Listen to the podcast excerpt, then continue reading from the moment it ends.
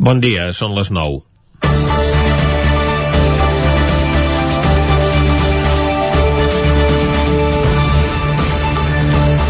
La Generalitat imposa mesures més restrictives per combatre el rebrot de la Covid-19 i obliga a tancar bars i restaurants durant 15 dies. Molt deuen haver canviat les coses i a pitjor, quan només fa unes setmanes va anunciar la reobertura d'establiments d'oci nocturn i discoteques sense permetre ballar a la pista. En només unes hores es va canviar d'opinió per indicació del Departament de Salut.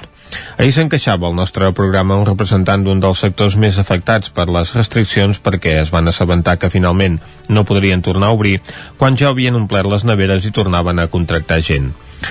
El govern anunciava ahir el nou pla de mesures de forma coordinada, que és el que li falta amb tantes desavinences entre Junts per Catalunya i Esquerra Republicana amb la cita electoral a l'horitzó.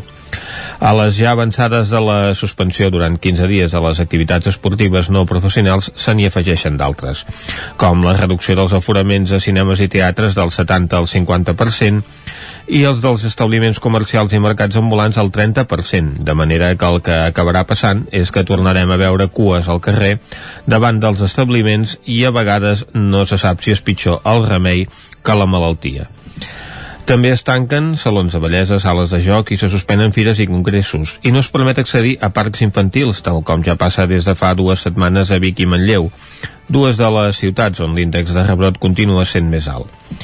Paral·lelament, el vicepresident del govern també ha anunciat un pla de xoc per ajudar als establiments que hagin de tancar i també l'aplicació d'una clàusula per reduir o demorar l'abonament del lloguer dels locals en aquest període de transició.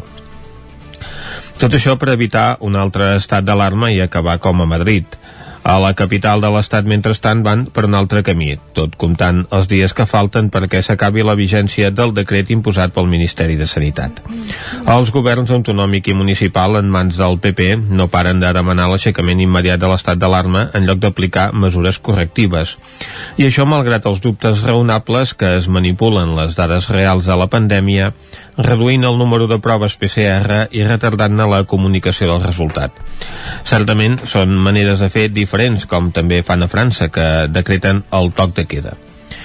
Ara, aquí tot plegat pot quedar entredit perquè, com que afecta drets essencials, ho han d'avalar els tribunals, que són els que hi deuen entendre més de salut que no pas els especialistes que assessoren els governs.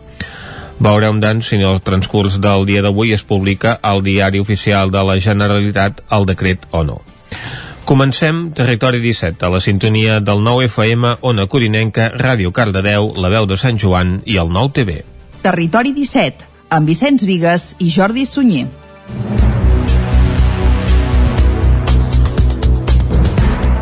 Són les 9 i 3 minuts del dijous, dia 15 d'octubre de 2020. Avui fa 80 anys que van assassinar el president Lluís Companys.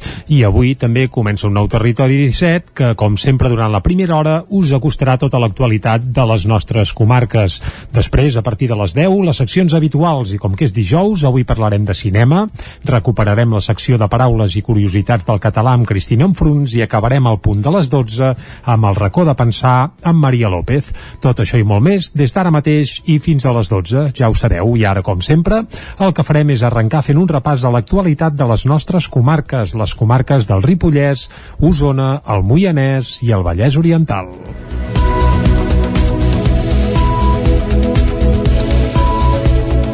El govern de la Generalitat ha ordenat el tancament de bars i restaurants fins a finals de mes, que només podran oferir el servei de comandes per emportar i limitarà l'aforament dels comerços al 30%. També es prohibeixen les activitats que impliquen contacte físic i que no siguin mèdiques, com per exemple massatgistes o centres d'estètica, excepte les perruqueries.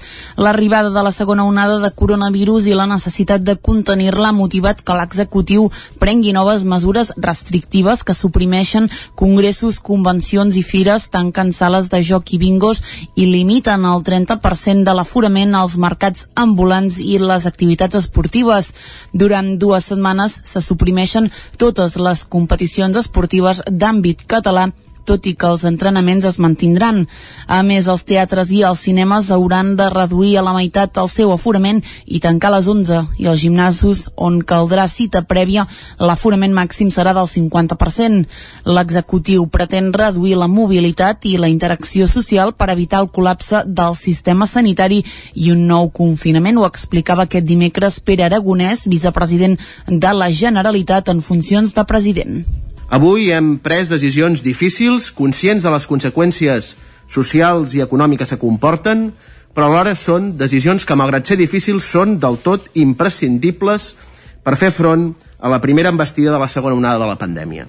A la capital usonenca, el sector de la restauració lamenta el tancament i demana suport econòmic al govern. Sentim per aquest ordre a Ramon Molist de Cal Tosset, Albert Baquer del Fet Nostre i a Jordi Vestit del celler d'en Miquel. Ningú ens ajuda, eh, el tema a nivell tant de lloguers com d'allò, continues pagant el mateix i estàs treballant el 50% i això eh, tancar 15 dies pot ser a la ruïna.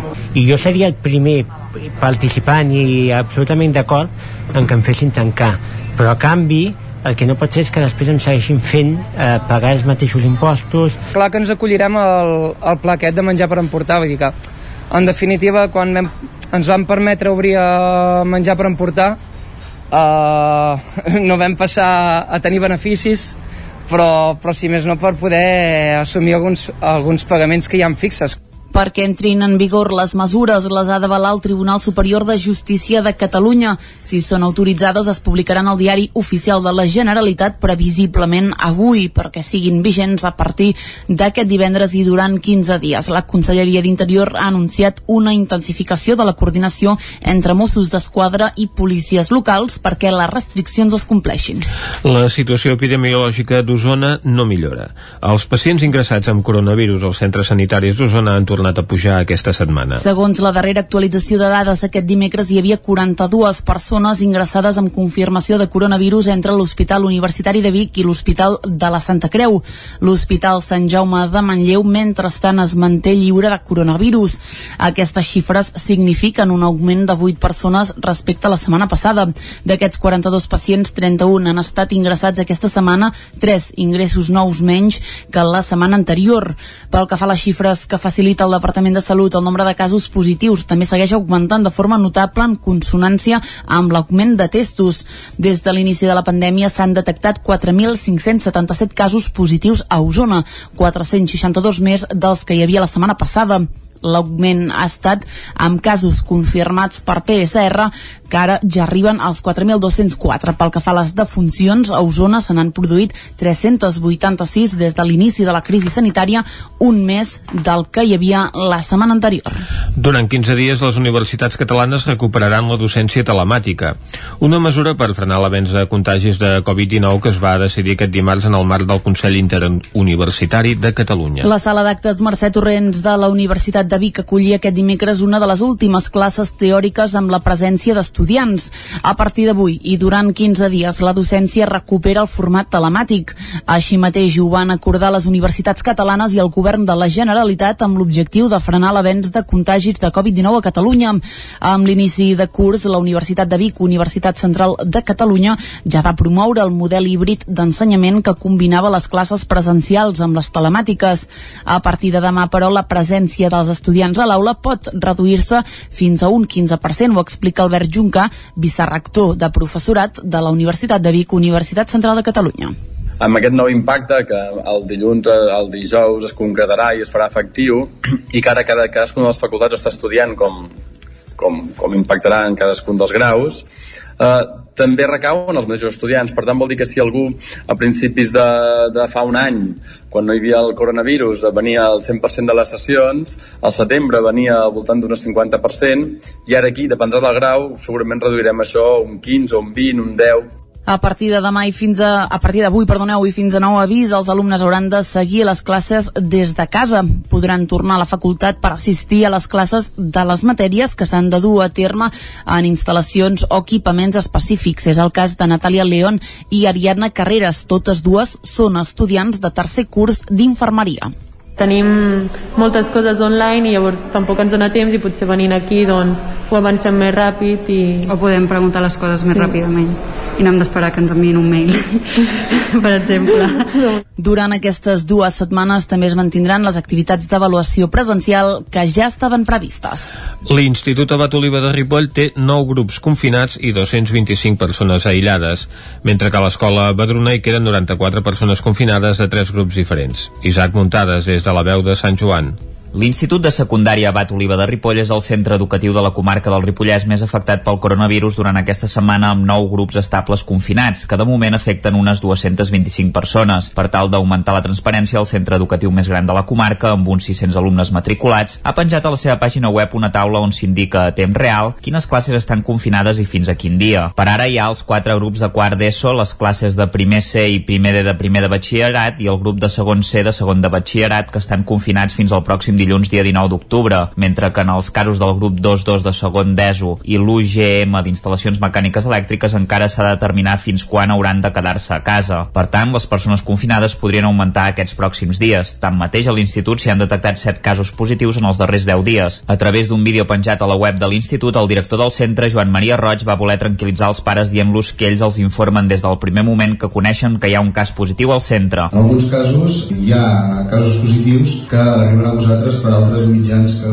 no són al centre, perquè a vegades es produeixen fora o perquè algunes informacions van més ràpides per altres canals. Nosaltres el que volem garantir-vos és que tota aquella informació que nosaltres des de Salut se'ns diu que se us ha de transmetre, nosaltres intentem que puntualment, al moment en què la rebem nosaltres, també arribi a vosaltres. Amb això què volem dir? Volem dir que si el centre no us truca de manera oficial per donar-vos informació sobre el funcionament de la classe, sobre si la classe dels vostres fills o algun grup en el qual pertany els vostres fills ha estat confinat, fins que no tingueu aquesta resposta de caràcter positiu, no us heu de preocupar per no tenir-la, perquè en el mateix moment en què la tenim nosaltres, intentem traspassar-la a totes les famílies. En total, segons el portal web Traça Covid del Departament d'Educació de la Generalitat de Catalunya, al Ripollès hi ha 322 persones confinades, de les quals el 69% pertanyen a l'Institut i un 29% a l'Escola Badruna de Ripoll, que actualment té 94 persones confinades de tres grups diferents i 9 casos positius en els darrers 10 dies, una xifra notablement inferior a la dels darrers dies, en què hi havia una desena de classes confinades que incluïen tot l'ESO i un grup de P5. Pel que fa a l'Institut Escola de Ribes de Freser, només hi queden 3 persones aïllades i al centre Centre d'Educació Especial Ramon Sorinyac només s'hi ha detectat un positiu per Covid-19 en les últimes 10 jornades. El centre educatiu de la part alta del Vallès Oriental amb més incidència de la Covid-19 és l'escola El Colomer, de Vigues i Riells. Segons dades del Departament d'Ensenyament, fins a 63 persones es troben fent quarantena arran de casos positius en els grups que conviuen al Colomer. Caral Campàs, des d'Ona Codinenca. Segons la darrera actualització del Departament d'Ensenyament, en la quarta setmana del nou curs escolar 2020-2021, Vigues i Riells és la població de l'Alt Vallès Oriental amb les dades més elevades de persones confinades a partir del diagnòstic de casos positius dins de l'aula. L'escola al Colomer compta amb tres grups confinats i 63 persones afectades, de les quals 57 són alumnes, 4 docents i 2 personal extern. Els darrers 10 dies han tingut un positiu per part d'una persona del personal extern i des de l'inici del curs acumulen 6 casos. Per altra banda, a l'Institut Maria de Belllloc, també de Vigues, hi ha una persona confinada provinent del personal extern, però en aquest cas no s'ha confinat cap grup classe.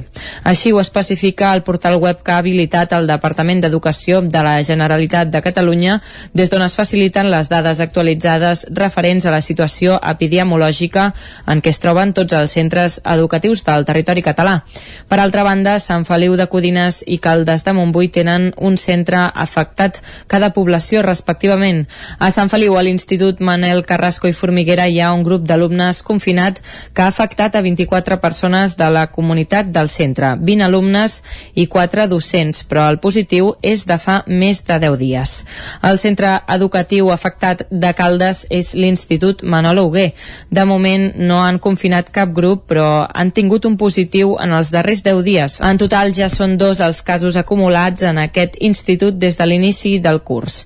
Per altra banda, a la comarca del Moianès només hi ha una escola afectada, la Popa de Castellcí. Tenen 33 persones confinades, de les quals 30 són alumnes i 3 professors. Tal com també especifica el Departament d'Educació, tant Sant Feliu com Vigues, Caldes de Montbui o el Moianès mantenen tots els centres educatius oberts i en ple funcionament. L'escriptora llinasenca Yaiza Berrocal ha obtingut el Premi de Teatre Calderón de la Barca 2020 per la seva obra La cadena de frío. David Oladell, de Ràdio i Televisió, Cardedeu. El premi està convocat pel Ministeri de Cultura del govern espanyol a través de l'Institut Nacional de les Arts Escèniques i la Música que reconeix la tasca d'autors i autores novells, tot i que ja fa anys que Berrocal escriu i ha escrit novel·les com Aguas Freàtiques i No te'n vagis. L'autora es va presentar el premi que va quedar obert durant el confinament després d'haver sigut lectora i seguidora dels guanyadors d'altres anys. En la seva obra, el jurat ha valorat la capacitat d'explorar diferents jocs escènics i a Iceberg Rocal sent el premi com una forma de donar vida a les històries. Home, doncs per mi aquest premi és una oportunitat molt gran de poder donar-li vida al text, perquè les persones que escrivin, sobretot si escrius teatre, allò que escrius no té sentit fins que no té vida i per tenir vida ha d'haver-hi uns actors que ho portin a escena, ha d'haver-hi un públic, ha d'haver-hi un teatre, ha d'haver-hi una comunitat on allò tingui sentit i prengui vida, no? Llavors, per mi això és molt, molt, mm, bueno, molt important. Quan rebem premis o guanyem convocatòries o així, serveix com per seguir escrivint, no? Berrocal va decantar-se per la dramatúrgia després de gaudir d'una beca a Còrdoba on va descobrir el lligam entre les diferents disciplines artístiques. I Aiza Berrocal. Però a més a més, fèiem unes reunions que eren molt interessants perquè compartíem el que estàvem fent amb gent doncs, d'altres disciplines no? i això em va fer veure molt doncs, les connexions que hi ha doncs, entre arts, entre escriure, entre um, pintar, entre la música i em va obrir una mica més els interessos i em va tirar més cap a la dramatúrgia perquè penso que el teatre eh, té una part molt interessant per una persona que escriu que és que allò que escrius quan estàs sol després forma part d'una experiència comú que, està, que viu altra gent en, en un moment donat i que és una experiència compartida. I això ho trobo molt maco. L'escriptora llinasenca seguirà escrivint però valora obrir la ment cap a les diferents disciplines artístiques i la seva interrelació I fins aquí el butlletí de notícies que us hem ofert amb Vicenç Vigues, Clàudia Dinarès, David Auladell, Caral Campàs i Isaac Muntades. I ara el que toca és fer un cop d'ull a la situació meteorològica.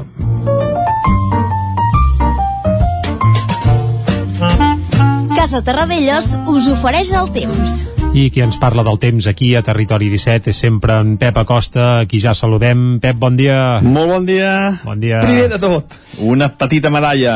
Em poso una petita medalla. Sí, ahir la vas, perquè ahir, la vas clavar, més eh? o menys, eh, va fer el temps que vaig dir que faria. Sí, sí. Que sobretot plouria cap al prelitoral Uh, I sí, sí, sí, cap a les 6 de la tarda, més o menys, sí, 6, 6 i mig, sí, sí, 6 Quarts de quarts de set, 7, sí, sí. Uh -huh. i van haver unes enormes tempestes cap al prelitoral, molt maques, molt fotogèniques, uh, van ser precioses, realment em van encantar, i està ple de fotos a les xarxes, a, a molts llocs, amb uns colors maquíssims, unes tempestes molt, molt, molt maques, i unes precipitacions que no van ser tampoc allò mm, molt, molt importants, però déu nhi per exemple, 20 litres a Granollers, 45 Martorelles, o a Sant Feliu Codines, 13 litres, acompanyades de llamps, eh, núvols espectaculars i calamarsades. Eh, déu nhi la calamarsada que va caure cap a, Home, cap a les zones del Vallès. Oriental. I tot això acompanyat d'una espectacular baixada de temperatures. Uh, a Sant Feliu de Codines, al meu poble, després de la tempesta vam baixar a 5 graus. Estàvem a 5 graus només, uh, per tant, una baixada de temperatures molt espectacular degut a aquesta entrada de vent de nord que va provocar també la primera nevada de la temporada cap a la zona del Montseny i crec que no havia nevat o si ho havia fet ho havia fet molt poc i ahir sí que la nevada ja va ser una mica més important a la zona del Montseny i això amb unes temperatures màximes també molt, molt, molt contingudes, força baixes, 17 graus a Cardeu o 14 graus a Vic ahir. Unes temperatures pròpies gairebé del mes de novembre molt, molt avançat. Però bueno, ja hem parat prou del passat, anem al present, anem al dia que ens espera avui Anem-hi, pel va. que fa al temps. Aviam.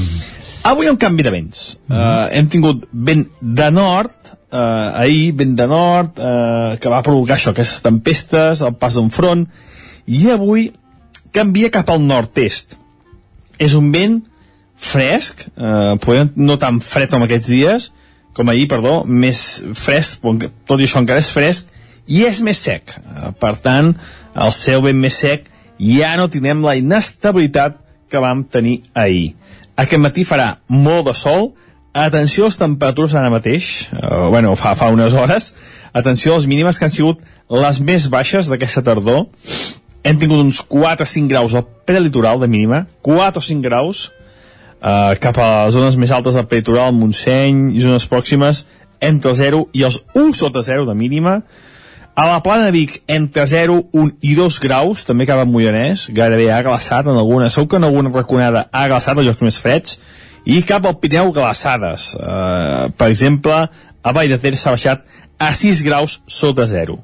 Jo ja dic, el matí més fresc d'aquesta tardor, m'encanta aquesta tardor, per fi fa una tardor com ha de ser, com, com, com sempre, els últims anys he tingut tardors molt càlides, amb poca pluja, i aquesta és ben diferent a totes les últimes. I aquest matí, com deia, eh, força sol, ambient fred, fred a primeres hores, tot i que acaba al migdia farà més sol que ahir, creixeran algunes nuvolades sobre les zones de muntanya, no es descarten quatre gotes cap a Montseny, Guilleries i Pirineu, tot i que és difícil que caiguin, però no se'n descarten quatre gotes. Al fer més sol al migdia, la temperatura pot pujar un grau o dos com a molt. És a dir, si ahir les màximes no van arribar gairebé cap població als 20 graus, avui els més càlids, poder 21-22, si bé la majoria es mouran entre els 14 i els 18 graus. Temperatures fresques. Déu nhi déu quina fresca farà avui. I una mica de vent, aquest vent de nord, entrarà i farà que hi hagi força vent, sobretot a les zones de muntanya. Moltes gràcies, adeu. Vinga, Pep, moltes de res, estarem al cas. Ara ens n'anem cap al quiosc. Casa Tarradellas us ha ofert aquest espai. Territori 17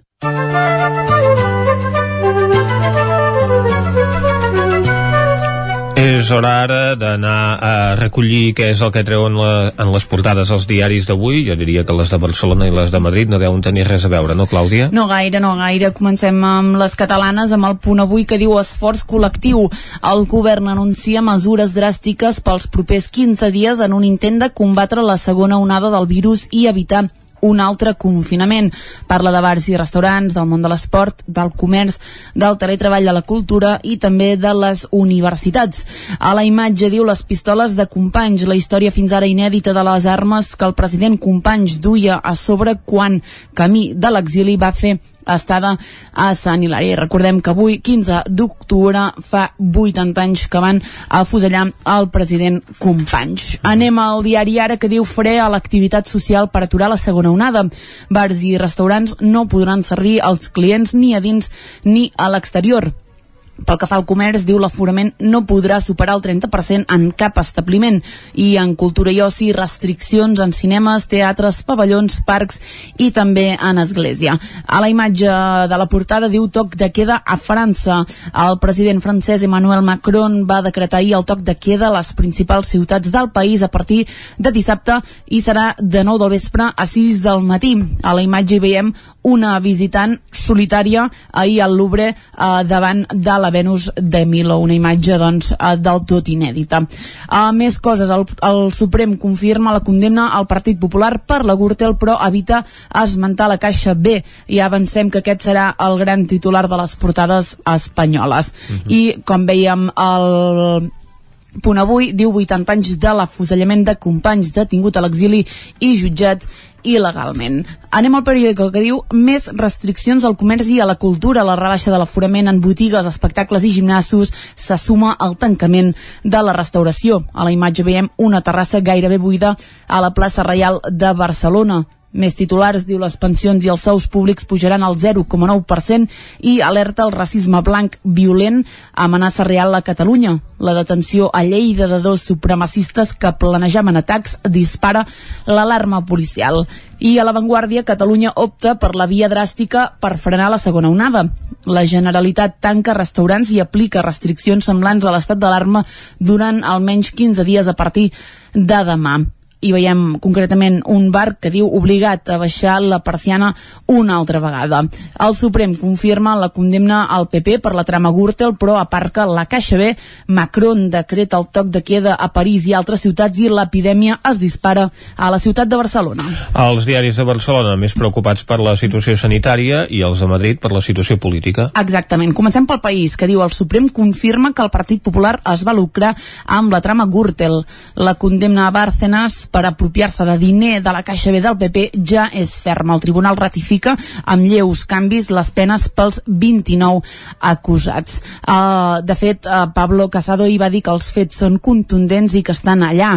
El partit, doncs, ahir va admetre com a lamentable la sentència sobre el cas Gürtel. Veiem uh, la imatge doncs, de Pablo Casado i Ana Pastor, entre d'altres. Uh, més coses. França imposa el toc de queda a París i altres vuit grans ciutats. Catalunya tanca l'hostaleria 15 dies per frenar la vida social. El Mundo diu la sala al Poder Judicial complica els fons europeus. Uh, la imatge veiem a Sánchez que diu salva Iglesias de la reprovació. El Suprem rebutja els paràgrafs que van motivar la moció contra Mariano Rajoy. Macron uh, aprova aquest toque de queda de, des de les 9 del vespre a París i altres ciutats en alerta màxima i la meitat de l'hostaleria i l'oci està en risc de fallida. Anem a la raó que diu el Suprem desmunta la moció, dos punts, el PP no va delinquir a la Gürtel. Aquest és el gran titular d'avui de la raó. Diu l'esposa de, Bar de Bárcenas ingressarà a la presó amb una condemna de 12 anys.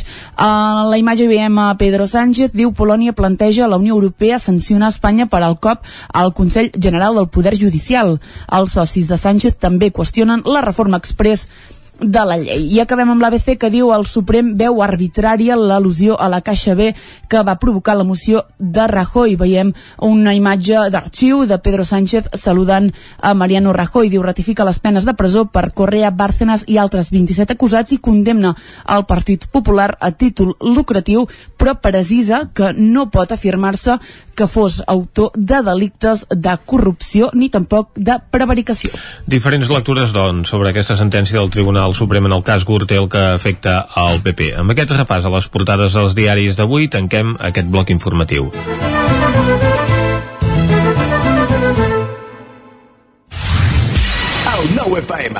Les bones decisions tenen premi. I és que si té una caldera Vaillant, està d'enhorabona. Vaillant li ofereix fins a 15 anys de cobertura total, amb la revisió obligatòria inclosa. Informis a Oficiat Nord trucant al 93 886 0040. Amb el servei tècnic oficial de Vaillant, la seva caldera estarà en les millors mans. Cocodril Club. Si t'agrada la bona música dels anys 60, 70 i 80, escolta el 9 FM als matins de dissabtes i diumenges d'11 a 1. És el temps del Cocodril Club, tot un clàssic de la ràdio, amb les bases del pop-rock, les llegendes, les cançons que s'han convertit en autèntics himnes. Recorda, dissabtes i diumenges al matí, d'11 a 1, al 9 FM 92.8. Cocodril Club, el programa revival de l'Albert Malla. Hasta luego, cocodrilo.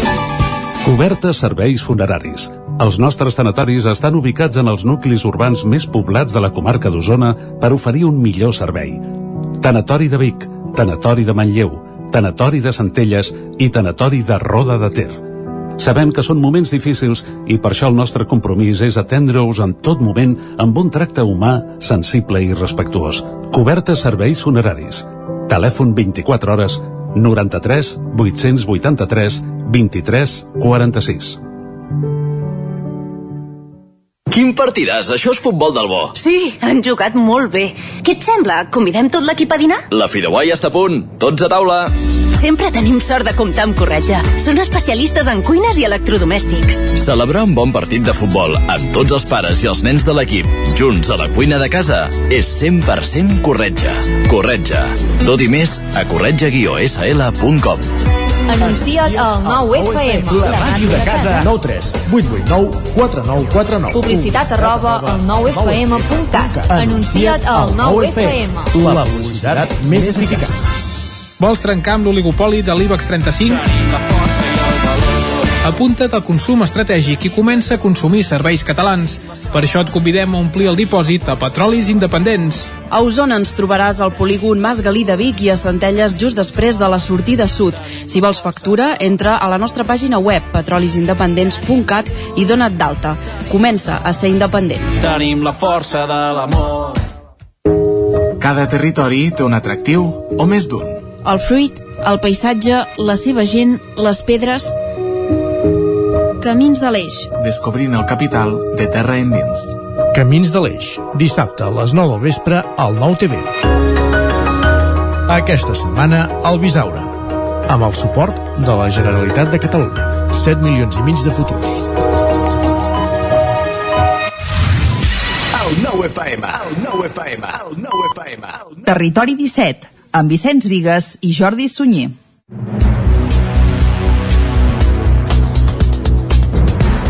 Són dos quarts de deu en punt d'avui dijous, dia 15 d'octubre de 2020 i som aquí en directe a Territori 17 per acostar-vos ara mateix de nou tota l'actualitat de les nostres comarques, les comarques del Ripollès, Osona, el Moianès i el Vallès Oriental.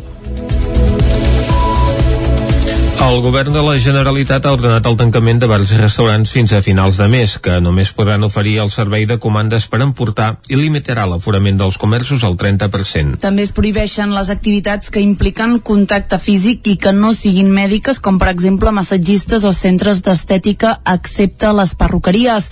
L'arribada de la segona onada de coronavirus i la necessitat de contenir-la ha motivat que l'executiu prengui noves mesures restrictives que suprimeixen congressos, convencions i fires, tanquen sales de joc i bingos i limiten el 30% de l'aforament als mercats ambulants i les activitats esportives. Durant dues setmanes se suprimeixen totes les competicions esportives d'àmbit català tot i que els entrenaments es mantindran. A més, els teatres i els cinemes hauran de reduir a la meitat el seu aforament i tancar les 11 i els gimnasos on caldrà cita prèvia l'aforament màxim serà del 50%. L'executiu pretén reduir la mobilitat i la interacció social per evitar el col·lapse del sistema sanitari i un nou confinament. Ho explicava aquest dimecres Pere Aragonès, vicepresident de la Generalitat en funcions de president. Avui hem pres decisions difícils, conscients de les conseqüències socials i econòmiques que comporten, però alhora són decisions que, malgrat ser difícils, són del tot imprescindibles per fer front a la primera embestida de la segona onada de la pandèmia. A la capital usonenca, el sector de la restauració lamenta el tancament i demana suport econòmic al govern. Sentim per aquest ordre a Ramon Molist de Cal Tosset, Albert Baquer del Fet Nostre i a Jordi Vestit del celler d'en Miquel. Ningú ens ajuda, el, el tema a nivell tant de lloguers com d'allò, continues pagant el mateix i estàs treballant al 50% i això, eh, tancar 15 dies pot ser a la ruïna. I jo seria el primer participant i absolutament d'acord en que em fessin tancar, però a canvi el que no pot ser és que després em segueixin fent eh, pagar els mateixos impostos. Clar que ens acollirem al, al pla aquest de menjar per emportar, vull dir que en definitiva quan vam, ens van permetre obrir a menjar per emportar eh, no vam passar a tenir beneficis però, però si més no per poder assumir alguns, alguns pagaments que hi ha fixes perquè entrin en vigor les mesures les ha d'avalar el Tribunal Superior de Justícia de Catalunya. Si són autoritzades es publicaran al diari oficial de la Generalitat previsiblement avui perquè siguin vigents a partir d'aquest divendres i durant 15 dies. La Conselleria d'Interior ha anunciat una intensificació de la coordinació entre Mossos d'Esquadra i policies locals perquè les restriccions es compleixin. La situació epidemiològica d'Osona no millora. Els pacients ingressats amb coronavirus als centres sanitaris d'Osona han tornat a pujar aquesta setmana. Segons la darrera actualització de dades, aquest dimecres hi havia 42 persones ingressades amb confirmació de coronavirus entre l'Hospital Universitari de Vic i l'Hospital de la Santa Creu. L'Hospital Sant Jaume de Manlleu, mentrestant, es manté lliure de coronavirus. Aquestes xifres signifiquen un augment de 8 persones respecte a la setmana passada. D'aquests 42 pacients, 31 han estat ingressats aquesta setmana, 3 ingressos nous menys que la setmana anterior. Pel que fa a les xifres que facilita el Departament de Salut, el nombre de casos positius també segueix augmentant de forma notable en consonància amb l'augment de testos. Des de l'inici de la pandèmia s'han detectat 4.577 casos positius a Osona, 462 més dels que hi havia la setmana passada. L'augment ha estat amb casos confirmats per PSR, que ara ja arriben als 4.204. Pel que fa a les defuncions, a Osona se n'han produït 386 des de l'inici de la crisi sanitària, un mes del que hi havia la setmana anterior. Durant 15 dies, les universitats catalanes recuperaran la docència telemàtica, una mesura per frenar l'avenç de contagis de Covid-19 que es va decidir aquest dimarts en el marc del Consell Interuniversitari de Catalunya. La sala d'actes Mercè Torrents de la Universitat de Vic acollia aquest dimecres una de les últimes classes teòriques amb la presència d'estudiants. A partir d'avui i durant 15 dies, la docència recupera el format telemàtic.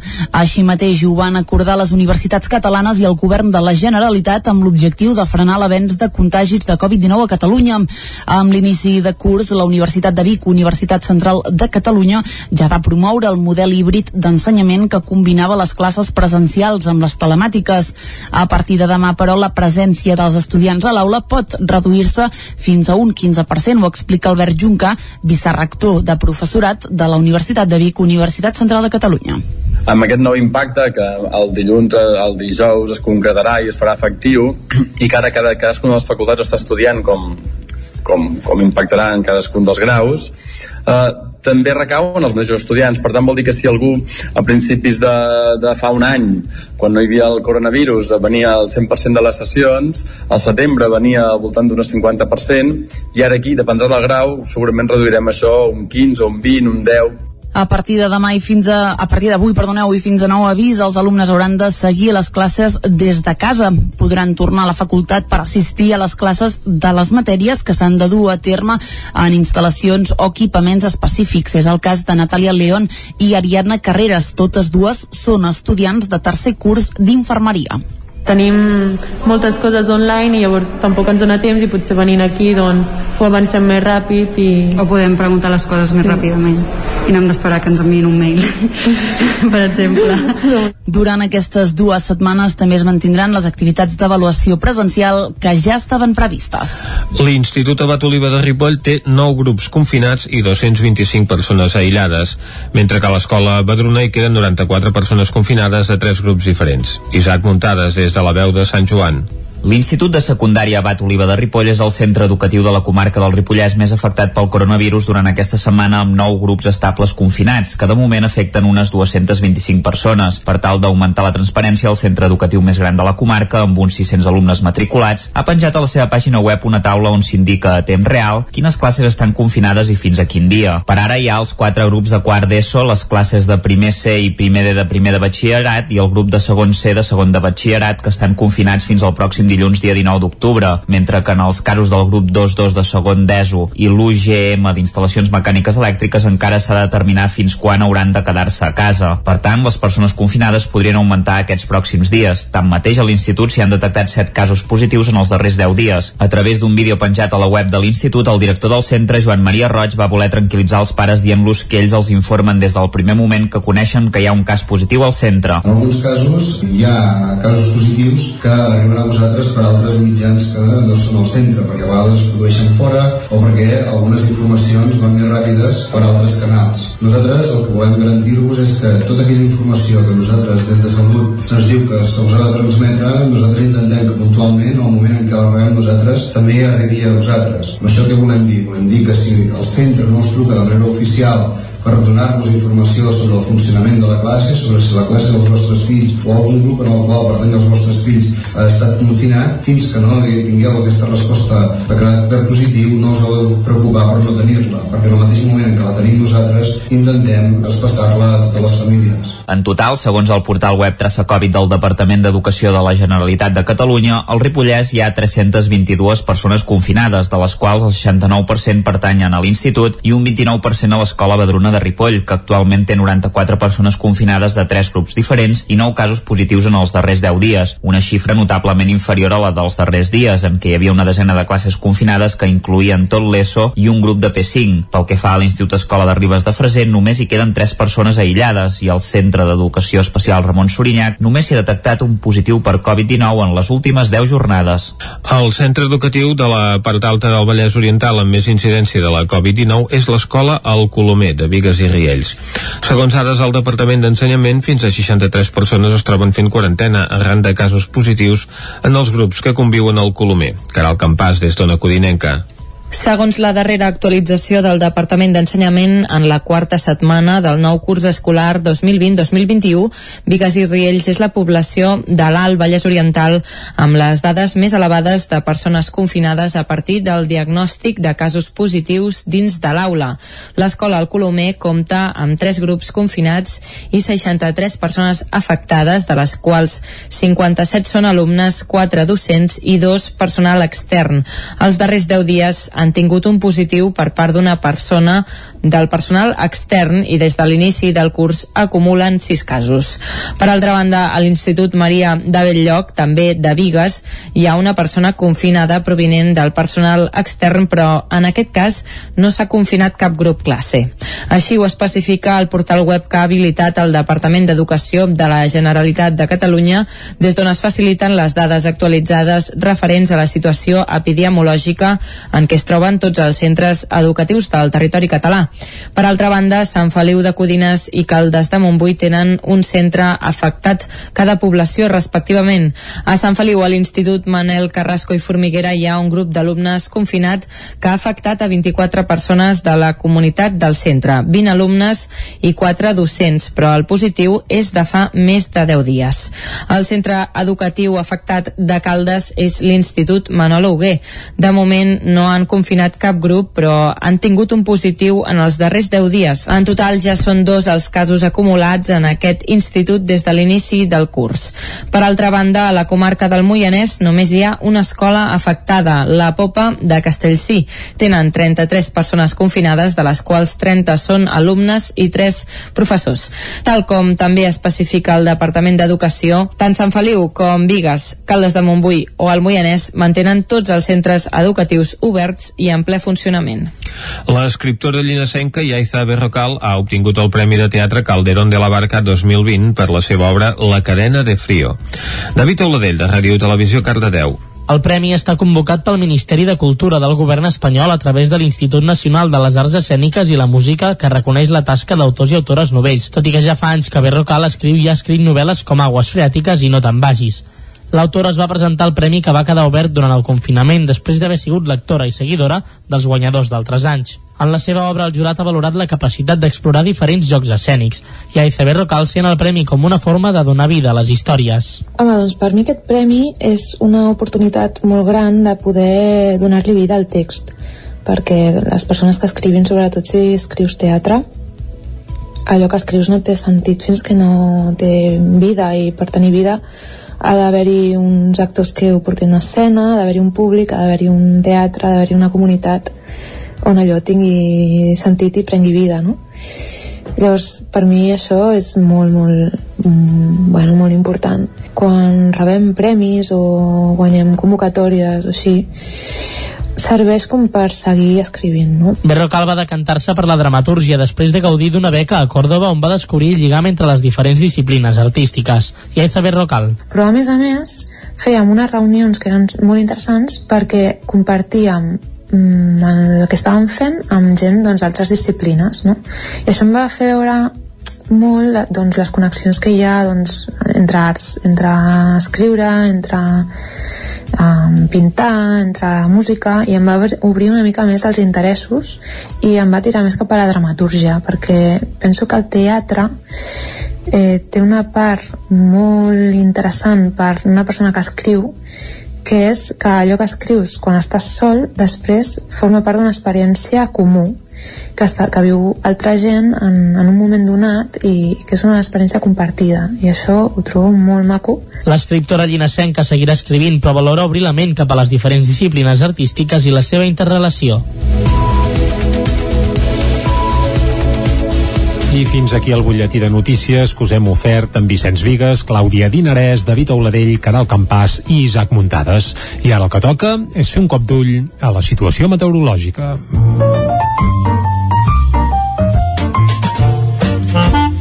Casa Terradellos us ofereix el temps. I qui ens parla del temps aquí a Territori 17 és sempre en Pep Acosta, a qui ja saludem. Pep, bon dia. Molt bon dia. Bon dia. Primer de tot, una petita medalla. Em poso una petita medalla. Sí, ahir la vas, perquè ahir, la vas clavar, més eh? o menys, eh, va fer el temps que vaig dir que faria. Sí, sí. Que sobretot plouria cap al prelitoral Uh, I sí, sí, sí, cap a les 6 de la tarda, més o menys, sí, 6, 6 i mig, mm, sí, sí, 6 Quarts o de 7, set, sí, sí. Mhm. i van haver unes enormes tempestes cap al prelitoral, molt maques, molt fotogèniques, uh, van ser precioses, realment em van encantar, i està ple de fotos a les xarxes, a molts llocs, amb uns colors maquíssims, unes tempestes molt, molt, molt maques, i unes precipitacions que no van ser tampoc allò mm, molt, molt importants, però déu nhi per exemple, 20 litres a Granollers, 45 Martorelles, o a Sant Feliu de Codines, 13 litres, acompanyades de llamps, eh, núvols espectaculars i calamarsades, eh, déu nhi la calamarsada que va caure cap a, Home, cap a les zones del Vallès. Oriental. I tot això acompanyat d'una espectacular baixada de temperatures. Uh, a Sant Feliu de Codines, al meu poble, després de la tempesta vam baixar a 5 graus. Estàvem a 5 graus només, uh, per tant, una baixada de temperatures molt espectacular degut a aquesta entrada de vent de nord que va provocar també la primera nevada de la temporada cap a la zona del Montseny i crec que no havia nevat o si ho havia fet ho havia fet molt poc i ahir sí que la nevada ja va ser una mica més important a la zona del Montseny i això amb unes temperatures màximes també molt, molt, molt contingudes, força baixes, 17 graus a Cardeu o 14 graus a Vic ahir. Unes temperatures pròpies gairebé del mes de novembre molt, molt avançat. Però bueno, ja hem parat prou del passat, anem al present, anem al dia que ens espera avui Anem-hi, pel va. que fa al temps. Aviam. Avui un canvi de vents. Uh -huh. uh, hem tingut vent de nord, uh, ahir vent de nord, uh, que va provocar això, aquestes tempestes, el pas d'un front, i avui canvia cap al nord-est. És un vent fresc, podem no tan fred com aquests dies, com ahir, perdó, més fresc, tot i això encara és fresc, i és més sec. Uh, per tant, el cel ben més sec, ja no tindrem la inestabilitat que vam tenir ahir. Aquest matí farà molt de sol, atenció a les temperatures ara mateix, uh, bueno, fa, fa unes hores, atenció a les mínimes que han sigut les més baixes d'aquesta tardor, hem tingut uns 4 o 5 graus al prelitoral de mínima, 4 o 5 graus, uh, cap a les zones més altes del prelitoral, Montseny zones pròximes, entre el 0 i els 1 sota 0 de mínima, a la plana de Vic, entre 0, 1 i 2 graus, també cap a Mollanès, gairebé ha glaçat en alguna, segur que en alguna raconada ha glaçat els llocs més freds, i cap al Pirineu glaçades. Uh, per exemple, a Vall de Ter s'ha baixat a 6 graus sota 0. Jo ja dic, al matí més fresc d'aquesta tardor. M'encanta aquesta tardor, per fi fa una tardor com ha de ser, com, com, com sempre. Els últims anys he tingut tardors molt càlides, amb poca pluja, i aquesta és ben diferent a totes les últimes. I aquest matí, com deia, eh, força sol, ambient fred, fred a primeres hores, tot i que cap al migdia farà més sol que ahir, creixeran algunes nuvolades sobre les zones de muntanya, no es descarten quatre gotes cap a Montseny, Guilleries i Pirineu, tot i que és difícil que caiguin, però no se'n descarten quatre gotes. Al fer més sol al migdia, la temperatura pot pujar un grau o dos com a molt. És a dir, si ahir les màximes no van arribar gairebé cap població als 20 graus, avui els més càlids poder 21, 22, si bé la majoria es mouran entre els 14 i els 18 graus. Temperatures fresques. Déu-n'hi-do, déu nhi déu quina fresca farà avui. I una mica de vent, aquest vent de nord, entrarà i farà que hi hagi força vent, sobretot a les zones de muntanya. Moltes gràcies, adeu. Vinga, Pep, moltes de res, estarem al cas. Ara ens n'anem cap al quiosc. Casa Tarradellas us ha ofert aquest espai. Territori 17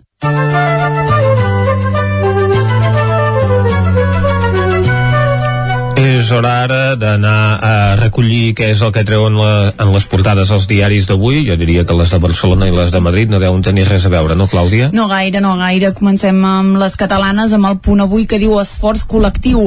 El govern anuncia mesures dràstiques pels propers 15 dies en un intent de combatre la segona onada del virus i evitar un altre confinament. Parla de bars i restaurants, del món de l'esport, del comerç, del teletreball de la cultura i també de les universitats.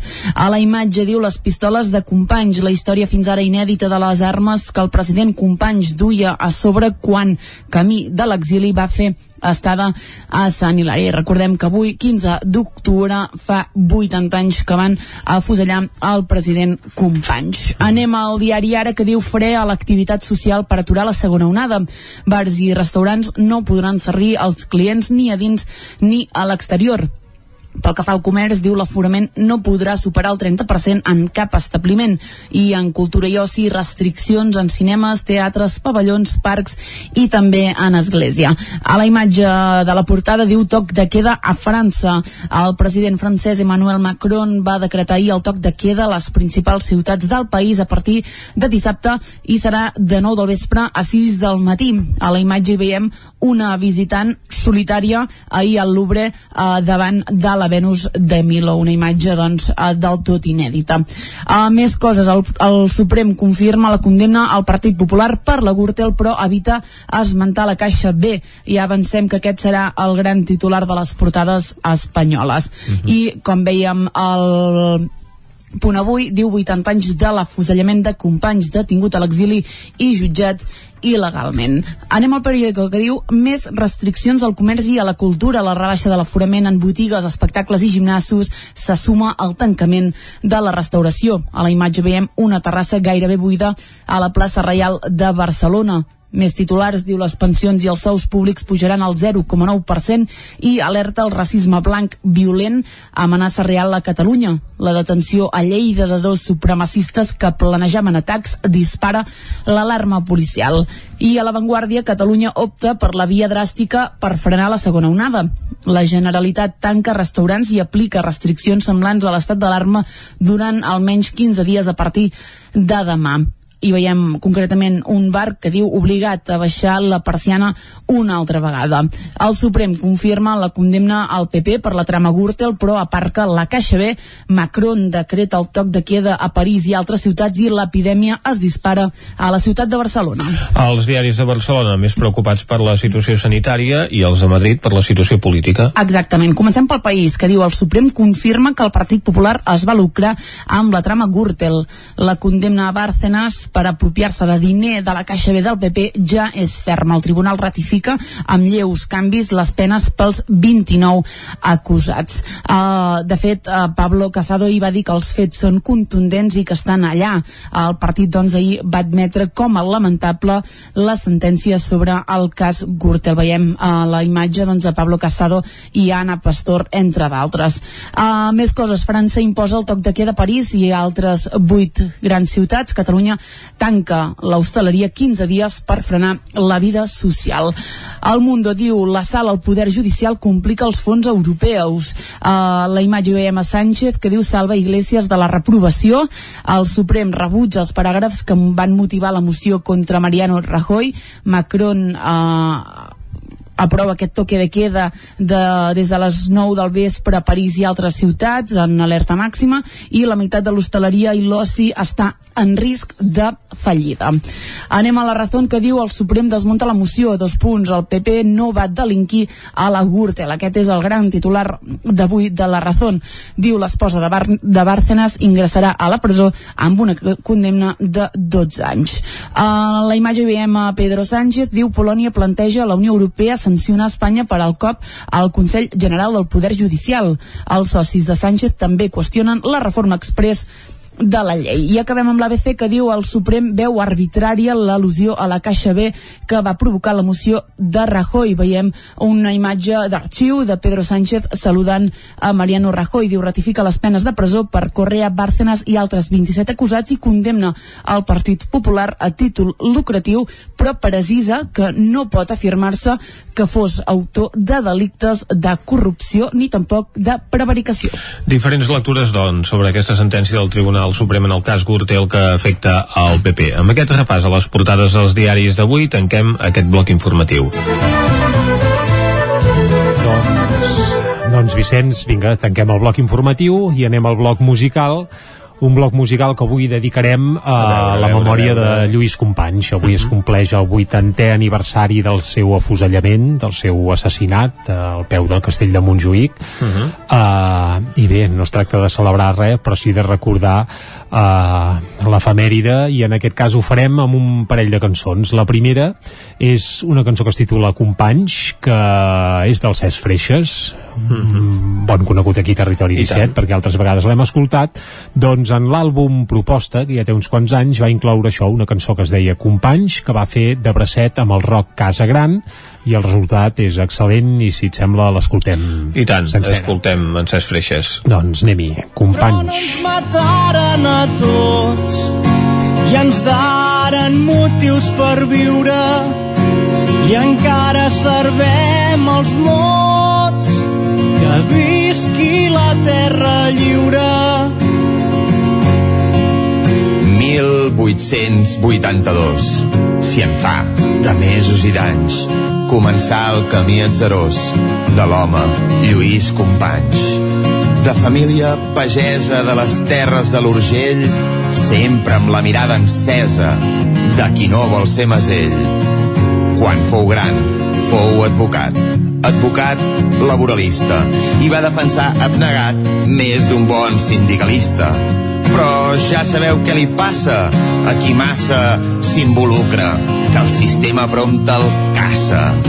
Plegats amb el moll del sucre, el gran Salvador seguir, feren un temps de garjola que no els feu pas dimitir, de creure que el món grinyola.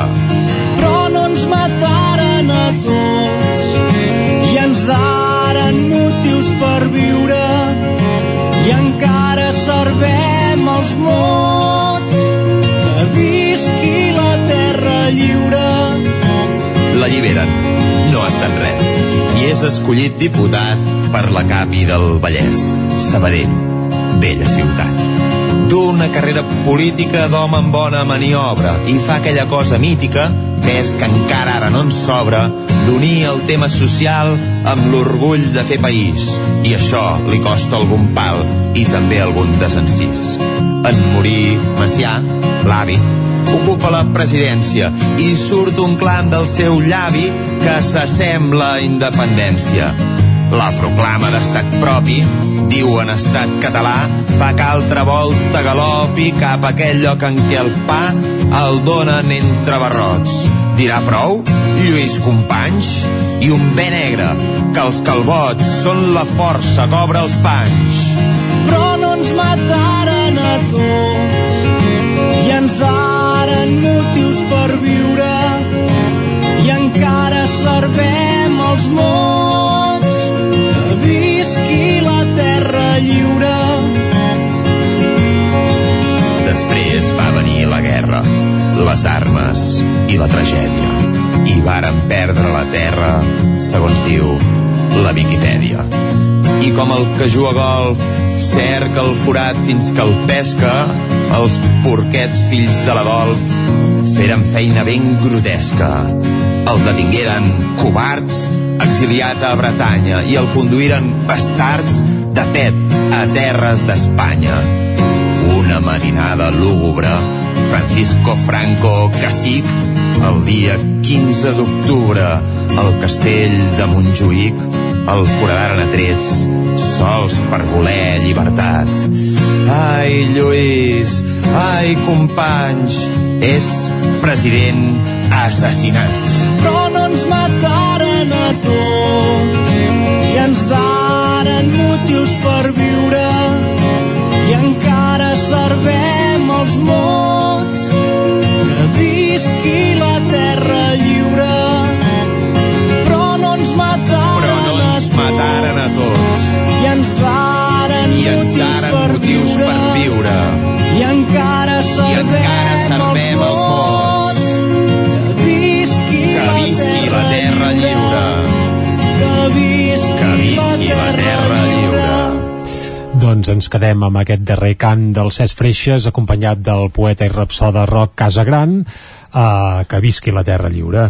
I, Vicenç, encara en tenim més. Abans, per això, uh, l'Artac aquest dijous, avui a les 7 del vespre, hi havia un acte d'homenatge a Lluís Companys, precisament a la placa que du el seu nom, a la plaça també a dir prop del, de la carretera a Montserrat. A la plaça Lluís Companys, Correcte.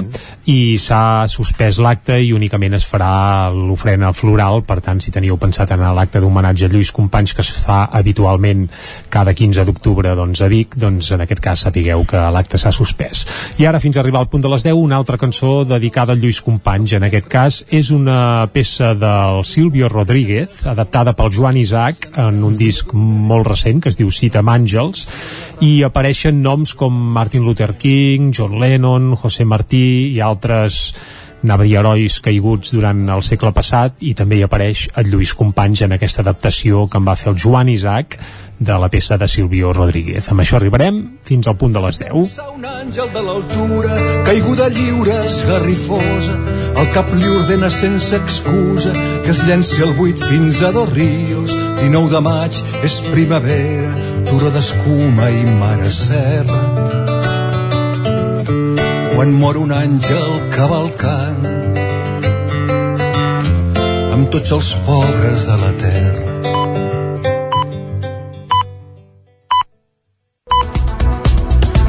I a les 10 en punt torna la informació de les nostres comarques, les comarques del Ripollès, Osona, el Moianès i el Vallès Oriental.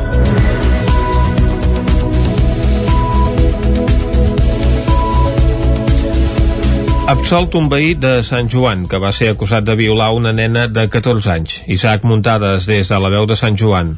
L'Audiència de Girona va absoldre un veí de Sant Joan de les Abadeses que s'enfrontava a 23 anys i mig de presó per abusar sexualment i violar una nena de 14 anys. L'absolució es va fonamentar en que no s'havien pogut provar els fets que se li imputaven. En primer lloc, la sentència detalla que la primera vegada que van mantenir relacions sexuals l'abril del 2017 en una zona boscosa de Camprodon van ser consentides, tal com va declarar tant l'acusat com la víctima. El veí de Sant Joan imputat, d'aleshores 20 anys, va assegurar que no sabia que la menor tenia menys de 16 anys, que és l'edat legal per al consentiment, i creia que en tenia 16 o 17 per l'aparença. En canvi, ella va afirmar que li va dir la seva edat. Segons el que es va provar en el judici, l'acusat no va descobrir l'edat real de la noia fins després d'haver-hi tingut relacions sexuals per primera vegada. La menor tampoc va aportar cap prova essencial per demostrar que sí que li havia dit l'edat, com per exemple una captura de pantalla d'una conversa que haguessin tingut. En el segon episodi que relata, l'agost d'aquell mateix 2017, la víctima havia dit que l'acusat la va violar al seu domicili de Sant Joan i ja sabia l'edat que tenia. En canvi, segons l'acusat, les relacions van tornar a ser consentides. El judici no va quedar acreditat ni que l'acusat subjectés a la víctima amb força pels braços i la immobilitzés ni que la noia oposés resistència per mantenir relacions sexuals. A més, el tribunal va afegir que, tot i portar-se 6 anys i 8 mesos, tenien una maduresa similar. De fet, la sentència considera que la diferència d'edat no era escandalosa i que la menor era força madura per la seva edat. D'altra banda, l'article 183 del Codi Penal recull que si hi ha consentiment lliure no hi ha responsabilitat penal sempre i quan l'autor dels fets sigui una persona propera a la menor en edat i en el seu grau de desenvolupament o maduresa. Finalment, el tribunal també va recordar que tots els fets van tenir lloc en poblacions petites com són Camprodon i Sant Joan,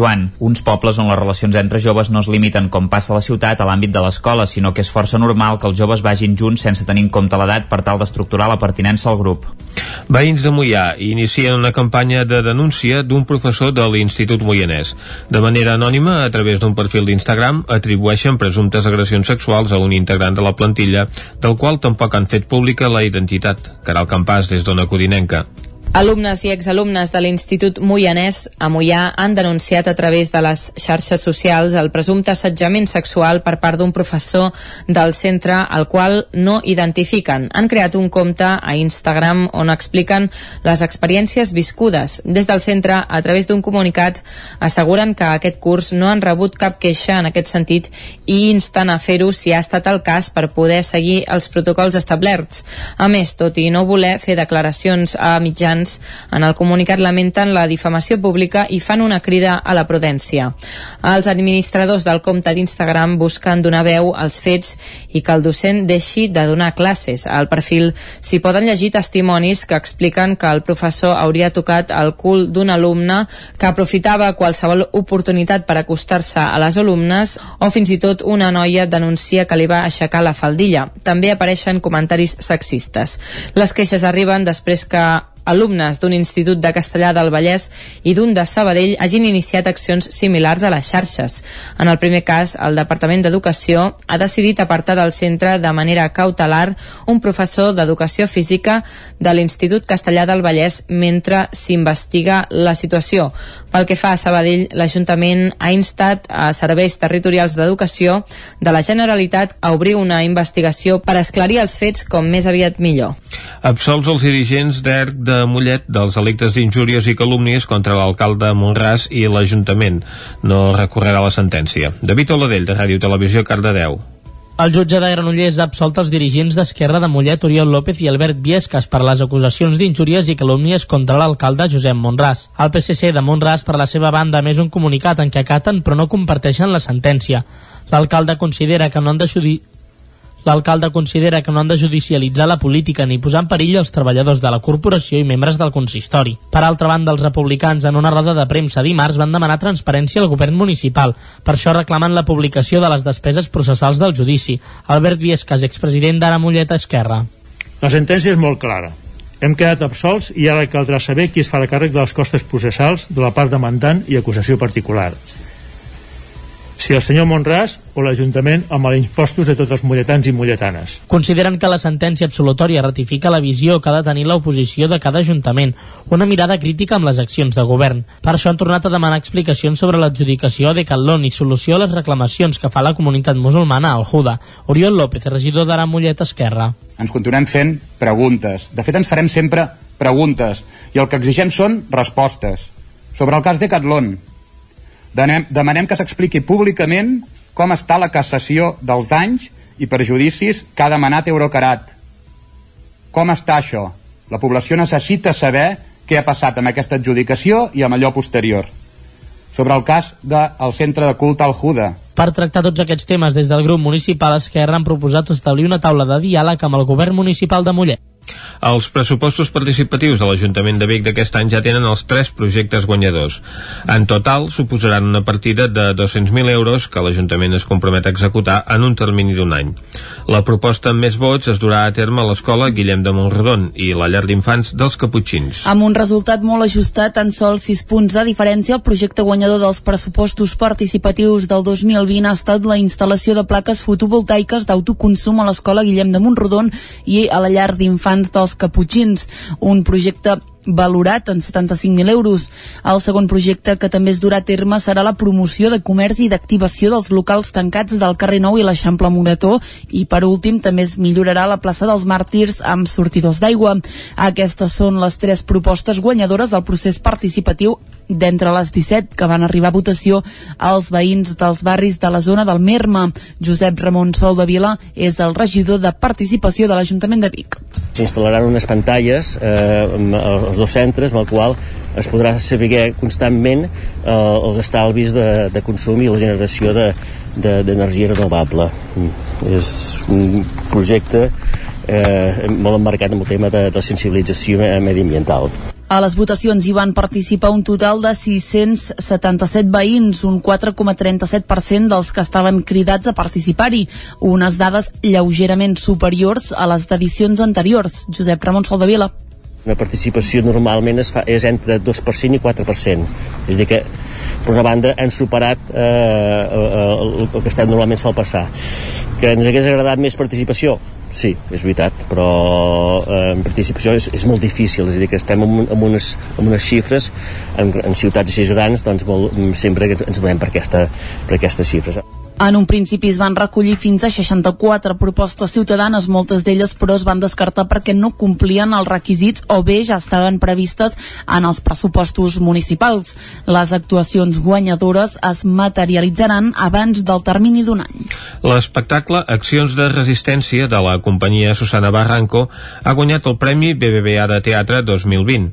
El lliurament dels guardons al certamen, que arribava a l'edició número 20, es va fer dimarts al vespre a l'Atlàntida. El risc, el compromís i l'exploració que fa de diferents formes i llenguatges són els principals motius pels quals el jurat ha atorgat accions de resistència de la companyia Susana Barranco al Premi BBVA de Teatre 2020. Amb el guardó l'espectacle podrà fer una gira per Catalunya valorada en 20.000 euros, que inclou el Festival Temporada Alta. Susana Barranco és la guanyadora que jo em moro de ganes de seguir fent accions de resistència perquè crec que, que és un missatge que val la pena que totes i tots la sentim amb, amb el cor, amb el cap i amb ganes de seguir lluitant i, i visca el teatre. El lliurament del premi que convoca la Fundació Antigues Caixes Catalanes amb el suport del BBVA es va fer aquest dimarts en una cerimònia conduïda per l'actor Marcel Tomàs que es va fer a porta tancada a l'Atlàntida de Vic i que el Nou TV va emetre en directe. En els que hi van, entre els que hi van intervenir el president de l'Associació d'Actors i Directors Professionals de Catalunya, Àlex Casanovas, reivindicava el sector cultural en temps de pandèmia. De nosaltres, de, de, de si podem treballar o no, en depèn que puguem tenir ingressos a casa. Per tant, som els primers responsables i els primers interessats en que tot això estigui ben mirat. Àngela Palacios i Carlos Martín Peñasco, protagonistes de l'espectacle Solo creo en el fuego, van pujar dues vegades a l'escenari per recollir els premis a la millor interpretació i a la millor direcció.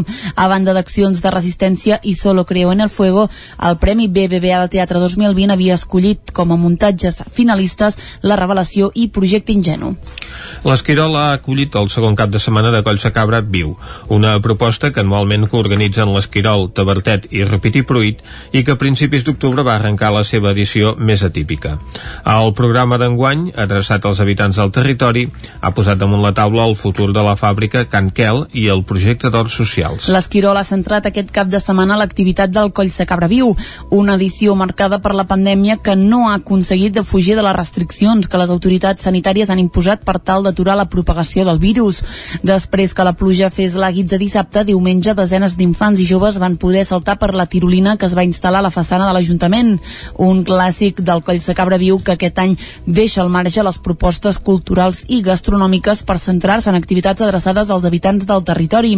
En aquest sentit, dissabte es va iniciar el procés participatiu sobre el futur de la fàbrica Canquel, que podria convertir-se en un espai cultural escènic i de recuperació de la memòria històrica. Diumenge es va presentar el projecte d'Horts Socials a l'Esquirol. Àlex Muntanyà és l'alcalde del municipi a darrere del, del carrer Nou, darrere del carrer Major, doncs hi ha, hi ha la possibilitat de, de recuperar uns, uns horts que ja, ja hi havien set. És un, un espai important de 2.000 metres quadrats, on hi caben aproximadament eh, fins a 10-12 parcel·les de 40 metres quadrats, amb un espai comunitari. Hi ha un col·lectiu que pot, pot organitzar-se amb el recolzament de l'Ajuntament i estem a l'espera de, de trobar, de trobar el, el, el moment de poder parlar amb, amb, amb, amb la propietat d'aquest espai per acabar de, de lligar-ho tot i si ja, no pot ser ara durant la tardor serà la primavera que engegarem, engegarem aquest, eh, aquests, aquests, aquests horts Ara l'activitat es, es trasllada a Tabertet. Al llarg del cap de setmana vinent es presentaran els resultats de la recerca de la prehistòria al municipi i s'instal·larà la, la tirolina gegant a la cinglera.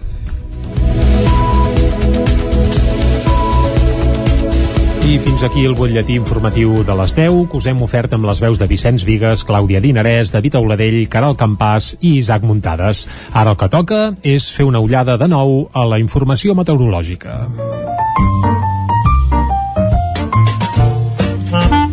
Casa Terradellos us ofereix el temps. I qui ens acosta el temps és el Pep Acosta. Bon dia de nou, Pep. Molt bon dia. I bona hora. Avui un canvi de vents. Ah, uh, hem tingut vent de nord, uh, ahir vent de nord, uh, que va provocar això, aquestes tempestes, el pas d'un front, i avui canvia cap al nord-est.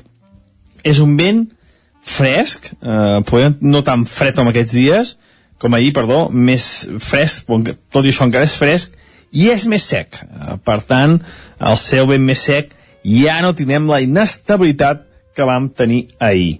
Aquest matí farà molt de sol, atenció a les temperatures ara mateix, uh, bueno, fa, fa unes hores, atenció a les mínimes que han sigut les més baixes d'aquesta tardor, hem tingut uns 4 o 5 graus al prelitoral de mínima, 4 o 5 graus, uh -huh.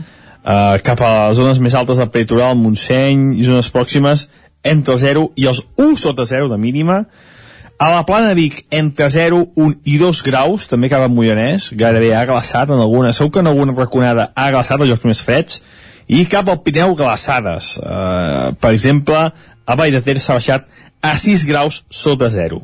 Jo ja dic, al matí més fresc d'aquesta tardor, m'encanta aquesta tardor, per fi fa una tardor com ha de ser, com, com, com sempre, els últims anys he tingut tardors molt càlides, amb poca pluja, i aquesta és ben diferent a totes les últimes. Aquesta t'agrada, eh? I aquest matí, com deia, eh, força sol, ambient fred, fred a primeres hores, tot i que acaba al migdia farà més sol que ahir, creixeran algunes nuvolades sobre les zones de muntanya, no es descarten quatre gotes cap a Montseny, Guilleries i Pirineu, tot i que és difícil que caiguin, però no se'n descarten quatre gotes. Al fer més sol a migdia, la temperatura pot pujar un grau o dos com a molt. És a dir, si ahir les màximes no van arribar gairebé cap població als 20 graus, avui els més càlids, poder 21, 22, si bé la majoria es mouran entre els 14 i els 18 graus. Temperatures fresques. Déu-n'hi-do, déu nhi déu quina fresca farà avui. I una mica de vent, aquest vent de nord, entrarà i farà que hi hagi força vent, sobretot a les zones de muntanya. Moltes gràcies, adeu. Doncs ara ja sabem el temps que farà per avui uh, i Vicenç, ahir moltes pluges i sobretot I uh, algunes d'importants i fins i tot empedregades eh? En algun punt, efectivament, les pluges van ser importants i, a més a més, concentrades en poca estona. El lloc on va ploure més ahir va ser a Molló, amb 22 litres, 21 a Granollers, 15 a Sant Pau de Segúries, 14 a la Roca del Vallès, 13 a Ull de Ter, a Viladrau i els Hostalets de Balanyà en van caure 11, a la Castanya, al Brull i a Collsospina 10, o 9 a Tagamanent, així com a registres més destacats. Doncs un cop fet aquest repàs, uh, fem un breu parèntesi i tornem de seguida amb l'entrevista. Avui par uh, parlarem amb la Marta Maritxalar sobre una exposició molt interessant que hi ha al Museu de l'Art de la Pell de Vic. De seguida la saludem. Casa Tarradellas us ha ofert aquest espai. Territori 17. Envia'ns les teves notes de veu per WhatsApp al 646 079 023. 646 079 023. WhatsApp Territori 17.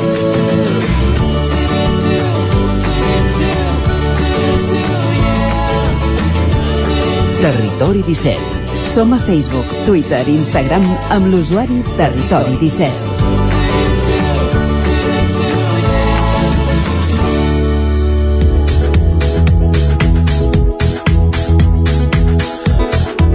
Passa un minut d'un quart d'onze. Veure o mirar retrats a presó és el nom d'una exposició que es pot veure fins aquest diumenge al Museu de l'Art de la Pell de Vic. Són retrats fets en un taller de fotografia a la presó de Llenoners, on, com tots sabem, hi ha els presos polítics. Ara que es compleix un any de la sentència del procés, volem parlar d'aquesta exposició amb Marta Maritxalar, del Museu de l'Art de la Pell. Bon dia, Marta. Hola, bon dia.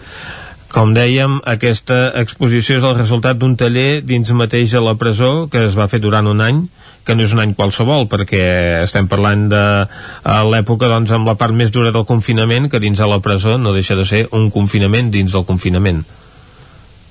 Sí, exacte. Uh, el que es veu en aquesta exposició temporal són els treballs que els presos han realitzat en aquest taller de fotografia, Uh -huh. que és un taller dirigit per la Maria Bernet, que també és fotògrafa i artista, i de fet uh, un dels objectius d'aquesta exposició era mostrar el món de, de la presó, però sobretot mostrar com ho han viscut en temps de pandèmia. Uh -huh. I quin tipus de fotografies hi podem veure? L'exposició està dividida en quatre sèries, totes elles eh, treballen el retrat, tenen el retrat com a protagonista, però cada sèrie treballa tècniques fotogràfiques diferents. Uh -huh. Um, clar, són mirades molt, molt íntimes, molt, molt properes a, a cada, a cada un dels presos i treballen doncs, això, tècniques diferents. Per exemple, hi ha una, una recreació d'una cel·la amb un llit, uh -huh. hi ha un llençol amb, amb retrats d'ells amb mascareta una mica per ensenyar-nos o explicar-nos com han viscut la, la pandèmia, aquest confinament dins del confinament, però hi ha altres sèries que també són molt interessants, que també ens expliquen doncs, com s'han sentit a dins de la presó, a quins llocs han sentit ira, en quins altres han sentit alegria. Mm -hmm. eh, són molt especials. És a dir, que aquesta exposició, a part de ser una mostra fotogràfica, doncs també conté elements propis d'una cel·la de la presó. Sí, eh, una de les obres que, que hi ha a l'exposició és aquesta, aquesta cel·la. -hmm. Hi ha una recreació, sí, sí. Mm -hmm. Uh, la, les fotografies entenem que són retrats fent, fets des de a dins de, de la presó i, i a més a més de gran format, no? Sí, hi ha, hi ha diferents formats, eh? però sí que um, gran part de l'exposició són de gran format, totes elles fetes a dins de, de, la, de la presó, i el que també és molt interessant és que la Maria Bernet, la directora, la manera que té ella de treballar és que ella deixa que el grup Uh -huh. tiri endavant tot el projecte, de manera que els presos són els autors, són els fotògrafs de totes les fotografies, Uh a més a més han editat les imatges ells mateixos i a més en aquesta ocasió doncs, també van tenir l'oportunitat de fer de comissaris, van venir a, al museu ells mateixos a, a treballar-hi i a ser també els muntadors de l'exposició. I de fet ara quan acabi també vindran a desmuntar. De manera que han pogut veure o treballar no, en tot el procés eh, creatiu i, i també doncs, de, del muntatge de l'exposició Uh -huh. I eh, estem parlant d'imatges tractades digitalment, amb fotomuntatges. Quines característiques tenen aquestes fotografies que podem veure? Sí, eh, cada sèrie treballa alguna tècnica diferent. Um, sí que n'hi ha uns, per exemple, doncs, que han treballat a- al Photoshop, hi ha unes altres que treballen la fotografia de llarga exposició, i llavors també han treballat una altra tècnica que és el que se'n diu la cianotípia, que són unes impressions, un, uns revelats que fa que les fotografies quedin en, en blau, amb un blau, que és el que se'n diu el blau de Prússia, Uh -huh. que també li dona un acabat doncs, molt, molt diferent a les altres. I també hi ha una, una de les sèries que són unes capses, que aquestes capses l'ha fet cada, una de, cada un dels presos, hi ha, hi ha una fotografia i una petita escultura, per tant també hi ha aquesta barreja de, de llenguatges artístics. Hem de eh, entendre aquesta exposició com una oportunitat de fer una mirada eh, dins de la presó o el que hi ha dins de la presó? Sí, de fet el que volien eh, mostrar amb aquesta exposició era el món interior de, de la presó que sortís a, a fora i que anés molt més enllà de l'exposició temporal. Els ser retrats els veiem amb ells i, i d'alguna manera doncs, és poder-nos fixar en cada un d'ells de manera individual eh, sobresortint d'aquest col·lectiu dels presos. Uh -huh. però sí que clar, podem veure fotografies de, de dins de, de la presó d'ells mateixos doncs, al pati o en les cel·les o a la biblioteca i també amb aquesta cel·la doncs, fer-nos molt més conscients de, de com es viu a, a dins de la presó i sobretot com han viscut en aquest temps de, de confinament en què havien d'estar a la cel·la per exemple 23 hores al dia, només tenien una hora per sortir al pati de manera aïllada més, sense tenir contacte amb altres presos Uh -huh. eh, també doncs, que se'ls va privar de les activitats, de tots aquests tallers que ells ens explicaven que són molt necessaris i els van també per poder-se evadir de, de la realitat que, que viuen allà dins. Clar, i amb aquestes condicions a més a més doncs se'ls havia dificultat molt poder eh, tirar endavant aquest projecte precisament perquè no, no disposaven o no se'ls donava el temps eh, necessari per poder-lo dur a terme, no? Uh, clar, en, temps de, en el temps de confinament, com que es van aturar tots els tallers i, i les activitats, clar, es va, es va allargar una mica més i finalment ha estat durant aquest últim any de l'estiu del 2019, aquest estiu passat. Uh -huh. S'ha acabat. Ens comentaves doncs, que els propis presos no només han participat doncs, en l'elaboració i la creació d'aquestes obres, sinó que a més a més també participen del muntatge i desmuntatge d'aquesta exposició, no? Sí, això mateix. Uh -huh. Clar, allà Lledoners és un dels llocs que més cuiden segurament doncs, que tinguin moltes activitats i que puguin participar en molts tallers. Fan, per exemple, el taller de, de teatre, que també, doncs, ara, no sé, suposo que no ho deuen poder fer, però abans sí que sortien a altres llocs a, a representar les obres de teatre que havien treballat.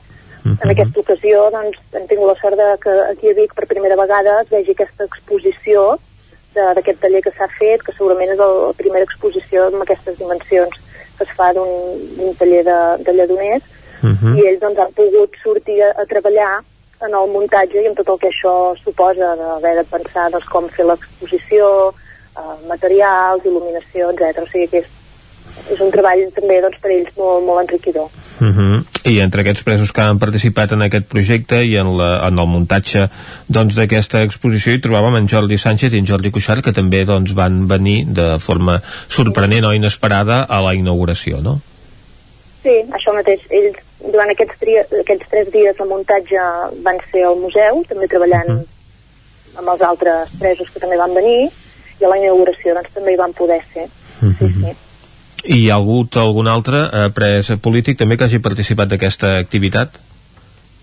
Uh, en el taller de fotografia, en una fotografia, per exemple, hi apareix en Raül Romeva, Uh -huh. també. O sigui que sí, sí. Uh, de fet, hi ha hagut una selecció d'imatges, però els que van venir a treballar-hi van ser potser un grup de, de 10 presos, Mhm. entre ells els dos Jordis, però més presos van poder participar en aquest taller de fotografia en el centre. Uh -huh, perquè al marge doncs, que cridi l'atenció la, la presència doncs, d'aquests presos mediàtics per aquesta situació que estan vivint els presos polítics que són a Lledoners hem d'entendre que la majoria de participants en aquesta activitat doncs, són presos comuns. Exacte, sí, sí. De fet, ells mateixos, els, els Jordis, eh, ho explicaven, no?, que um, ells tenen el nom més, més conegut i que potser doncs, fa que més gent s'acosti a l'exposició, però que no ens hem de quedar només amb, amb la seva presència, sinó fixar-nos amb la resta de presos i en tot el treball que han fet, que al final allà dins són com una família i, i, i a més en aquesta exposició hi han treballat tots com un equip i, i sí, doncs fixar-nos una mica amb tots, si no només amb ells. Uh -huh. perquè eh, ens comentaves doncs, efectivament que la seva presència crida l'atenció jo no sé quina ha estat la resposta del públic en aquesta exposició que ja porta doncs, pràcticament un mes al Museu de, de l'Art de, de la Pell com, com ha anat Sí, eh, realment ha vingut mm, molta gent, molta gent s'ha costat interessada en aquesta exposició. uh -huh. Mm, venen persones de tot arreu, ha vingut gent de Barcelona, del Bages, d'altres comarques, i de fet l'exposició s'havia d'acabar aquest dimarts, Uh -huh.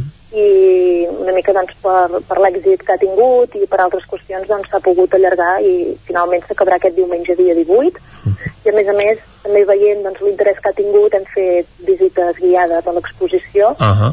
Que de fet encara avui aquesta tarda i demà a la tarda encara en seguirem fent que la gent realment s'ha interessat molt Per tant, la gent que estigui interessada encara és de temps d'apuntar-se a aquesta visita guiada a l'exposició d'avui i demà a la tarda. Uh -huh. Aquest, aquesta és una eh, proposta itinerant, no?, que precisament doncs, ha, ha començat a Vic aquesta exposició, però ara de Vic entenem que es podrà visitar també a altres indrets del territori català. Sí, eh, de moment el que sabem és que quan acabi el dia 18 eh, després se n'anirà a Manresa l'exposició Uh -huh. i a partir de Manresa segurament doncs, també vagin a altres indrets Uh -huh. més persones tindran l'oportunitat de- d'acostar-s'hi Uh -huh. Doncs eh, prenem nota d'aquests últims dies de l'exposició Veure o mirar, retrats a la presó, que es pot veure al Museu de l'Art de la Pell de Vic fins aquest diumenge, com ens recordava la Marta Maritxalar, que avui, aquesta tarda i demà, doncs els que es vulguin apuntar a la visita guiada, perquè el que han de fer és apuntar-se, oi que sí, Marta? i tant La gent que estigui interessada s'ha d'apuntar prèviament per poder fer aquesta, aquesta visita guiada en aquesta exposició que ens acompanyarà fins aquest diumenge al Museu de l'Art de la Pell. Molt bé Doncs moltes gràcies a Marta per fer-nos 5 cèntims a aquesta exposició Veure o mirar retrats a presó que eh, puguem doncs, visitar el Museu de l'Art de la Pell amb la presència doncs, dels presos polítics que són a Lledoners. Moltes gràcies Marta. gràcies a vosaltres Ara nosaltres farem una petita pausa i tornem tot seguit al territori 17. Exacte, Vicenç, doncs fem re una pausa de 3 minuts i tornem de nou fent un repàs a tuits i taula de redacció. Això serà ara mateix. Fins ara. El nou FM, el nou FM. Tens por de l'ordinador? Vine al Magí. Amb les nostres píndoles digitals aprendràs la diferència entre internet i el núvol, com utilitzar el mòbil i les apps, i si ets professor dominaràs el Classroom. Sessions totalment pràctiques, fàcils i interactives. Som a Vic, telèfon 693 75 05 07 o també ens pots visitar al magí.cat. Inscripcions obertes. Només pensar en passar aquesta nit sense calefacció amb aquest fred? No es preocupi, hem analitzat a fons la caldera i de seguida quedarà reparada i en funcionament. Quan tingui un problema amb la seva caldera, vagi directament a la solució. Truqui sempre al servei tècnic oficial de Saunier Duval i despreocupis, perquè som fabricants i coneixem les nostres calderes peça a peça. Informis a Oficiat Nord trucant al 938860040. Saunier Duval, sempre al seu costat. Cobertes serveis funeraris. Els nostres tanatoris estan ubicats en els nuclis urbans més poblats de la comarca d'Osona per oferir un millor servei. Tanatori de Vic, Tanatori de Manlleu, Tanatori de Centelles i Tanatori de Roda de Ter. Sabem que són moments difícils i per això el nostre compromís és atendre-us en tot moment amb un tracte humà, sensible i respectuós. Cobertes serveis funeraris. Telèfon 24 hores 93 883 23 46. Cocodril Club. Si t'agrada la bona música dels anys 60, 70 i 80, escolta el 9 FM als matins de dissabtes i diumenges d'11 a 1. És el temps del Cocodril Club, tot un clàssic de la ràdio, amb les bases del pop-rock, les llegendes, les cançons que s'han convertit en autèntics himnes. Recorda, dissabtes i diumenges al matí, d'11 a 1, al 9 FM 92.8. Cocodril Club, el programa revival de l'Albert Malla. Hasta luego, cocodrilo. La Fogonera, resistència gastronòmica. És un restaurant? És un rostidor? És La Fogonera, la cuina on encarregues, ho vens a buscar i ara també t'ho portem a casa. La Fogonera, resistència gastronòmica. Nova carta d'aperitius i arrossos, postres, celler, també amb servei Go Delivery. Truca al 93 851 55 75 o entra a lafogonera.cat. La Fogonera, el teu aliat gastronòmic. Cada territori té un atractiu o més d'un. El fruit, el paisatge, la seva gent, les pedres... Camins de l'Eix. Descobrint el capital de terra endins. Camins de l'Eix, dissabte a les 9 del vespre al 9 TV. Aquesta setmana al Bisaure, amb el suport de la Generalitat de Catalunya. 7 milions i mig de futurs.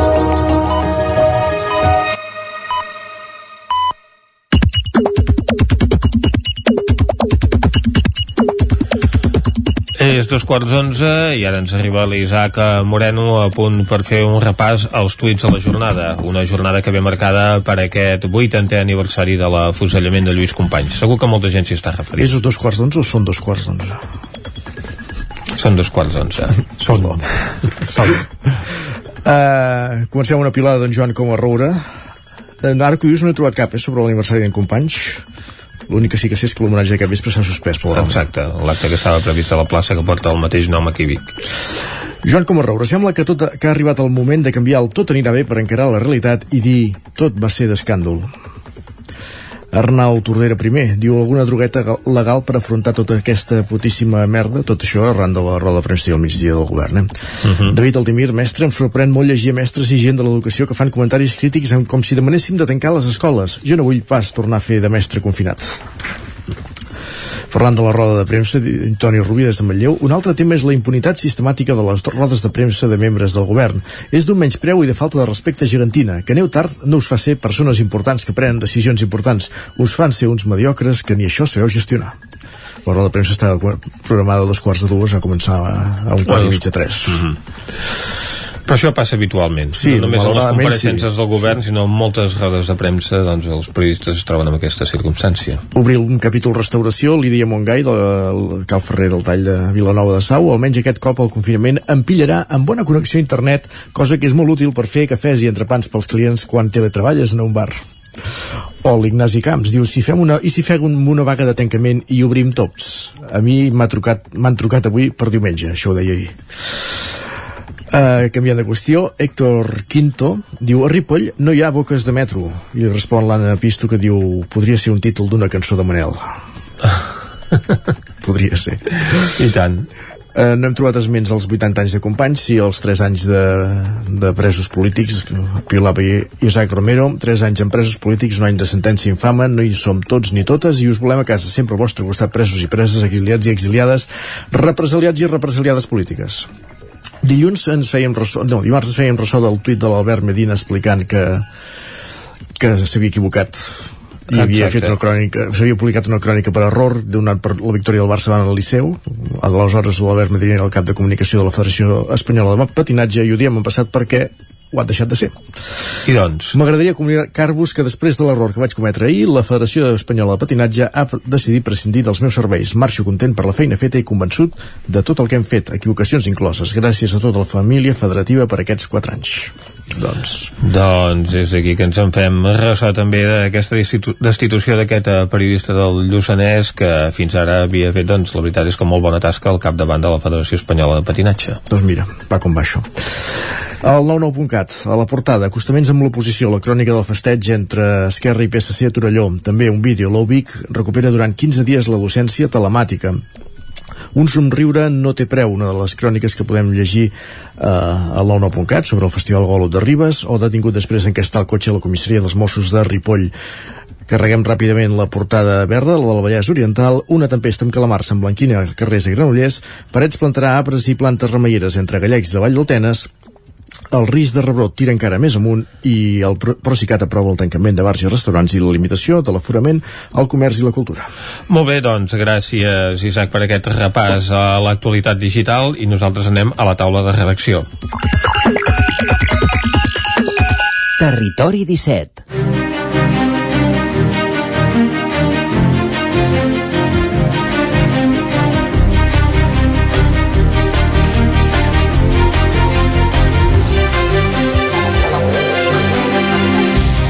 Una taula de redacció, Vicenç, que avui l'arrencarem anant en directe a l'Ajuntament de Vic, on en aquests moments està intervenint l'alcaldessa Anna R per informar precisament de les restriccions i la situació que hi ha a la ciutat arran de la Covid-19. Si et sembla, eh, l'escoltem en directe eh, des de la sala mm, de consellers de l'Ajuntament de Vic. uh, el que és aquest virus, eh, que potser a l'estiu afectava però no era tan virulent, comença fins i tot els casos que poden haver-hi a l'hospital, és més virulent, vol dir que comencen a haver-hi uh, casos ja més greus de,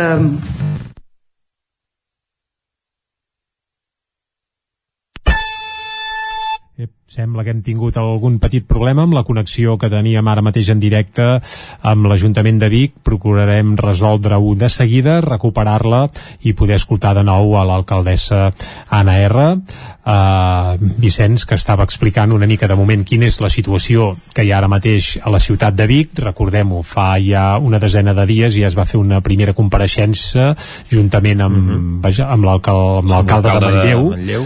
En aquells moments es van eh, instaurar unes restriccions ja tant per Vic com per Manlleu, que eren dues de les ciutats precisament catalanes on més risc hi havia de rebrots per coronavirus i ara arran evidentment de la situació que hi va haver eh, que s'han imposat noves restriccions en aquest cas a tot el territori català doncs l'alcaldessa de Vic n'estava fent una valoració.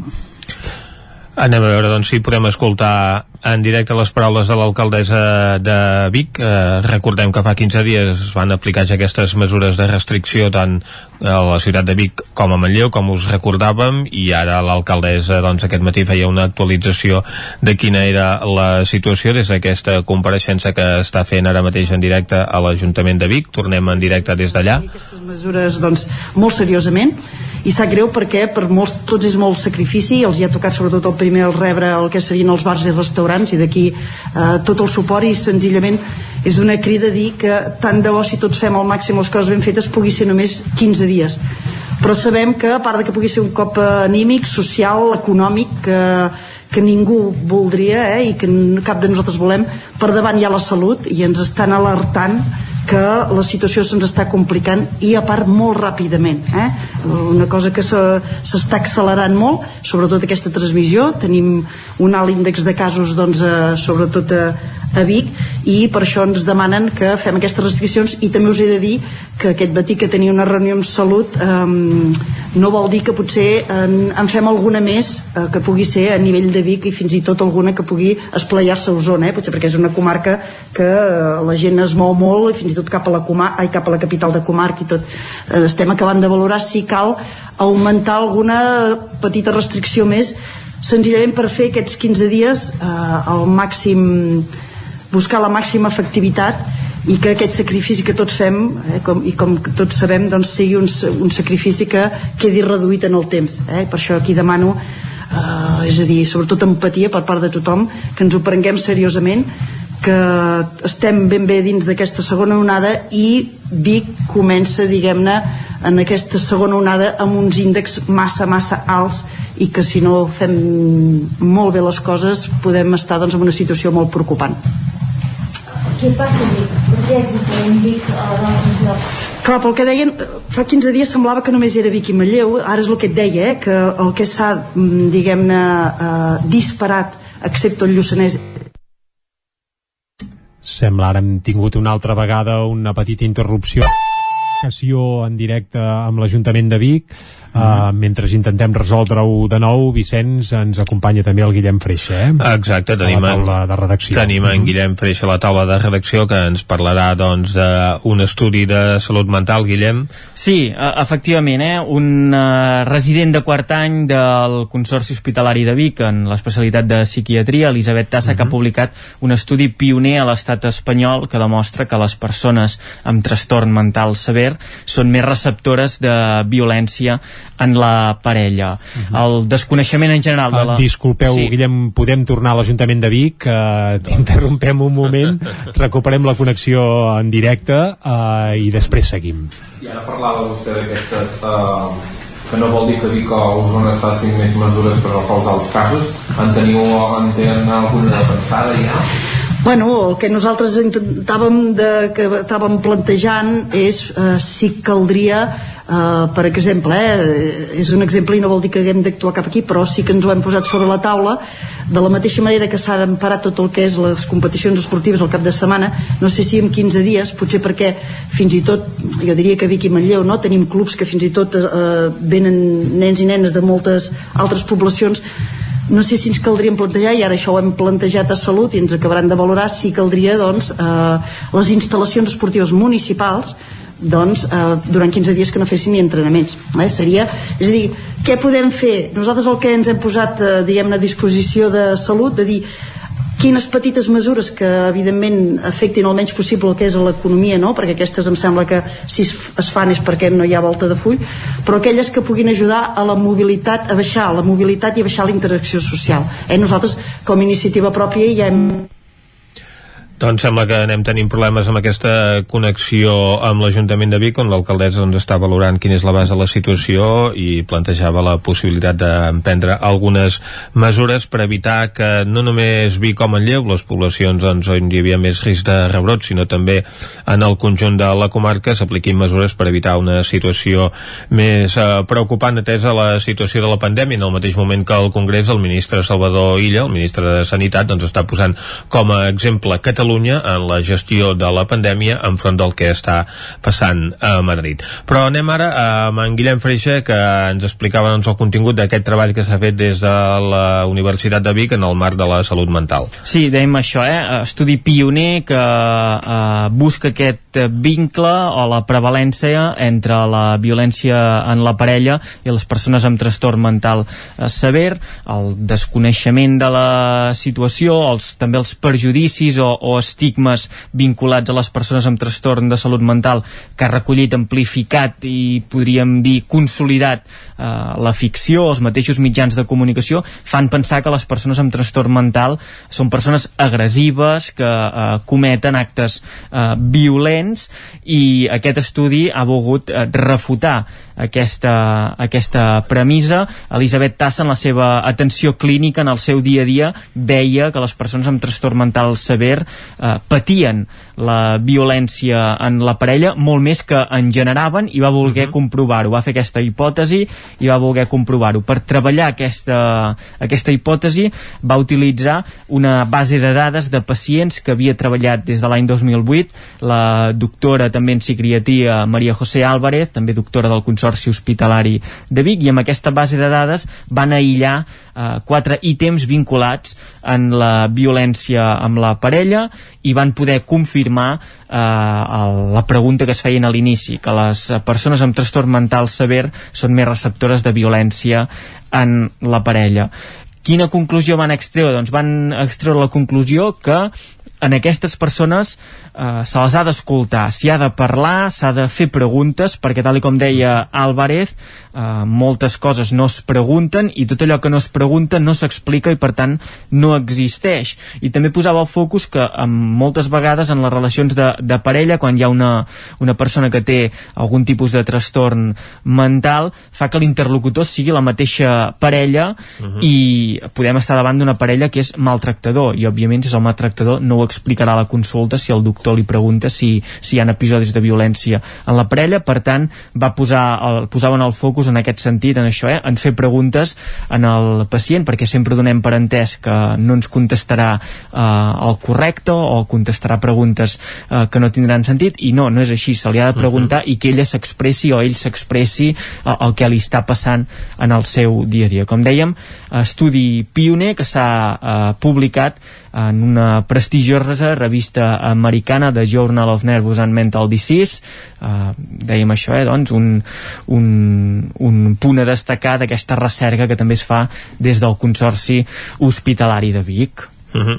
Molt bé, doncs moltes gràcies eh, Guillem eh, per aquest resum d'aquest estudi que ha elaborat la Universitat de Vic ara nosaltres tornem a l'Ajuntament eh, Jordi, perquè l'alcaldessa encara està compareixent en aquests moments Sí, encara està compareixent, de moment una de les coses que, que ha dit, una de les novetats és que ha deixat ben clar que suposo que recordes Vicenç que Vic es va instal·lar una espècie d'hospital de campanya, en aquest cas el pavelló Castell d'Emplanes Exacte. i ha dit que estaria tot a punt per si calgués tornar tornar-lo a activar i a instal·lar. Uh, és una de les coses que explicava ara mateix l'alcaldessa. Ara l'escoltarem de nou. Uh, hi ha el tram final d'aquesta compareixença aquesta roda de premsa que s'està fent en directe en aquests moments des de l'Ajuntament de Vic. Fet aquest pas nosaltres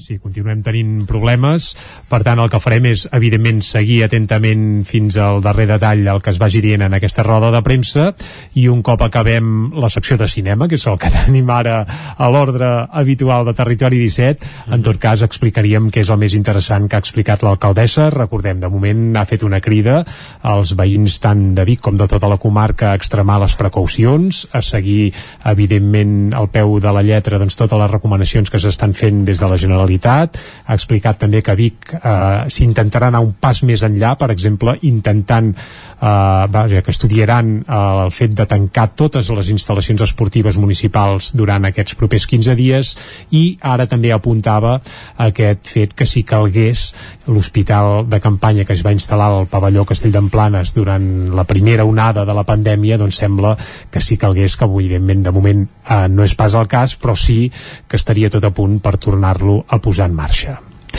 Molt bé, doncs eh, tanquem amb aquesta última hora des de l'Ajuntament de Vic la taula de redacció i com dèiem anem cap al cinema. Territori 17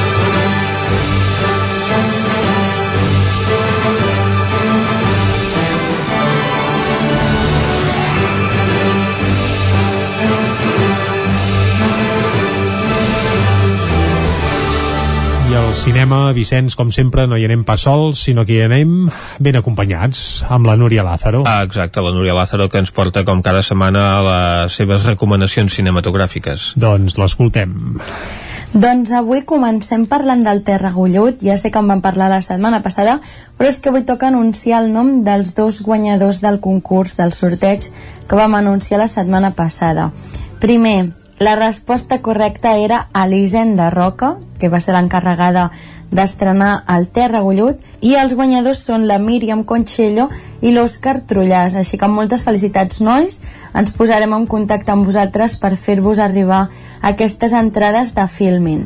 I avui per començar vull fer res, una petita aportació del Terra Gullut i és que aquest dissabte a dos quarts de vuit de la tarda el passeig Comte Guifré de Sant Joan de les Abadeses es farà dins la secció de llargmetratges Cinema a la Fresca, amb entrada gratuïta amb el llargmetratge des de Durban cap al futur.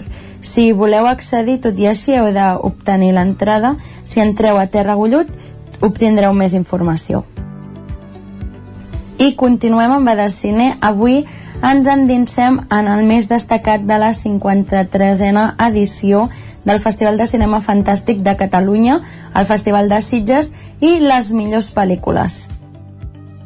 Poques vegades al món real s'ha semblat tant a una pel·lícula del Festival de Sitges com aquest 2020. El certamen català que se celebra del 8 al 18 d'octubre és un dels primers grans esdeveniments culturals d'aquesta tardor, encara excepcional i encara més des de les mesures d'ahir. Sense actes paral·lels com la popular Zombie Walk, un menor nombre de convidats, la reducció de títols seleccionats, 50 menys respecte de l'any passat, i els protocols per garantir la seguretat de tothom, Sitges aposta aquest any per un format híbrid. Dels 120 títols que conformen la programació, més de 70 es poden veure en línia. Aquesta temporada de restriccions al món de la cultura i de sequera de blockbusters de Hollywood és una bona ocasió per reivindicar que el paper dels festivals no reu pas estrenar la nova d'Expediente Warren, per exemple, sinó a atorgar visibilitat a aquells films que ho tenen difícil per accedir als espectadors. Lila Jade, bonjour. Pourquoi vous avez refusé l'avocat commis d'office Je vous attendais.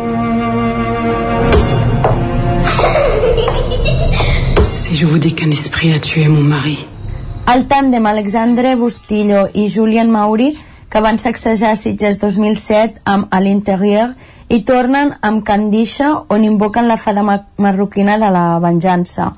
Aquesta, sens dubte, és una de les pel·lícules que esclaten a Sitges 2020, juntament amb l'aclamada Ascendance Relic de la Natalie Erika James, la de ciència-ficció francesa Le Dernier Voyage de Paul del Romain Quirot i en la línia de Delicatessen i el primer Luc Besson i també Arch Enemy, que és un thriller fantàstic d'Adam Egip Mortier on apareix com a actriu Amy Seymour, alhora directora d'una de les sensacions indis de la temporada que veurem a Sitges, l'esperada i polèmica She Dies Tomorrow. Hey everybody, Bruce LaBruce here in Toronto.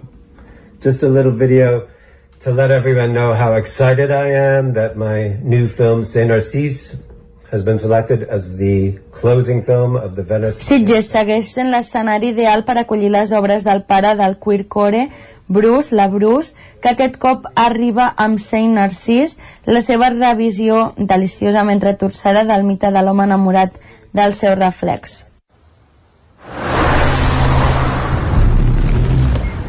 Ouais, mais... T'as entendu ça C'est strange, non Ouah, c'est une mouche Mais non. Ah si, putain, c'est une mouche. El francès Quentin Dupe, sacerdot suprem de l'humor absurd cinematogràfic, presenta amb mandíbules una comèdia tòtila amb mosca gegant i Brandon Crokenberg, bon hereu del seu pare David, aterra amb el seu segon i pertorbador llarg Possessor, que és més rodona que l'anterior antiviral. Asesina. Una hiena. Una bestia humana. Estos días por Barcelona alarmantes rumores respecto a la desaparición misteriosa de buen número de criaturas de corta I per aquí també tenim una pel·lícula catalana on Nora Navas dona vida a Enriqueta Martí, aquesta figura històrica dels principis del segle XX, a qui el director Lluís Danés vol rescatar de la llegenda negra que l'envolta a la vampira de Barcelona. Hoy iba a ser el día más feliz de mi vida. Hasta que llegaron ellos. El cinema en producció catalana també va estar present a la inauguració del festival amb els zombis que envaeixen la Guerra Civil amb el Nacidos de Javier Ruiz Caldera i Alberto del Toro. I no hi falten tampoc Cosmètica de l'Enemigo, que és l'adaptació de Melino Tom que ha dut a terme Quique Mailo, i No mataràs, que és el debut en el llarg de David Victori amb Mario Casas i que en parlarem després perquè és una de les estrenes del cinema Sucre de Vic. Mom's gonna kill you. What? What are you doing? Dad, I'm driving. Get out of the car, Dad.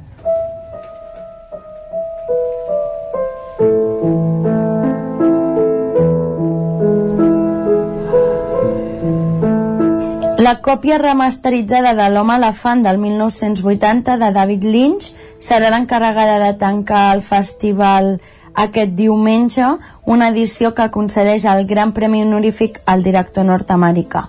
Per raons òbvies, el cineasta no hi podrà assistir, Però entre les prediccions meteorològiques diàries que fa el seu canal de YouTube, l'Inge ha trobat temps per preparar un detall especial per a la gala de Cluenda.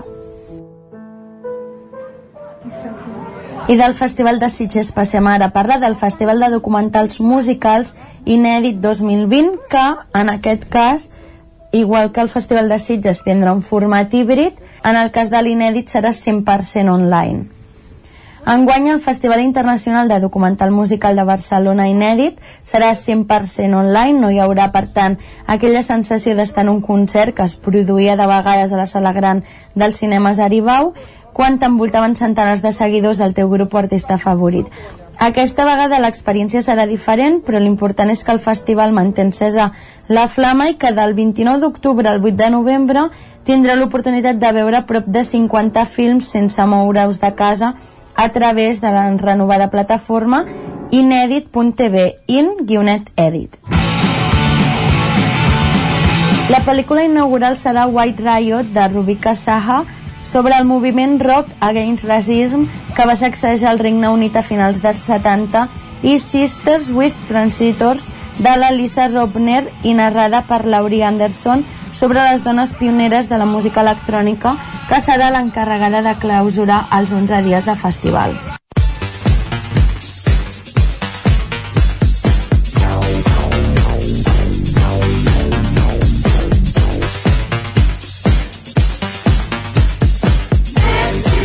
Fils reivindicatius i que porten noves mirades a la història de la música, per tant, en una edició que tindrà protagonistes com l'enyorat cantant de Blind Melon, Shannon Hoon, que va mantenir un videodiari als anys 90, ara rescatat a All I Can Say, els inoclastes de KLF en una altra de les seves bogeries explicades a Welcome to the Dark Ages i Vivian Liberto, la primera dona de Johnny Cash, amb qui va tenir quatre filles, que ara expliquen a My Darling Vivian, qui va ser aquesta dona esborrada de la història oficial de la música country. A més, l'Inèdit 2020 dedica una retrospectiva a Marie Lusier, de qui projecta algunes de les seves millors obres, com The Ballad of Genesis and Lady Jade, Félix in Wonderland i dues seleccions de curs d'aquesta cineasta experimental francesa que viu i treballa a Nova York. Les entrades i els abonaments estan a la venda i trobareu tot el programa i tota la informació pràctica a in-edit.org.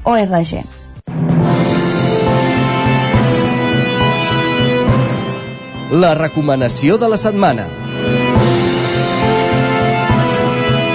Doncs avui tenim una recomanació i és una recomanació molt especial. Primer us deixo ella i després us explico. Doncs jo recomanaria, dintre de la temàtica de sèrie B, la, en la que inaugurem, que és el terror llama a, a tu puerta, que és molt divertida i és, té molta casqueria i és molt de referent de totes les pel·lícules de, de sèrie B.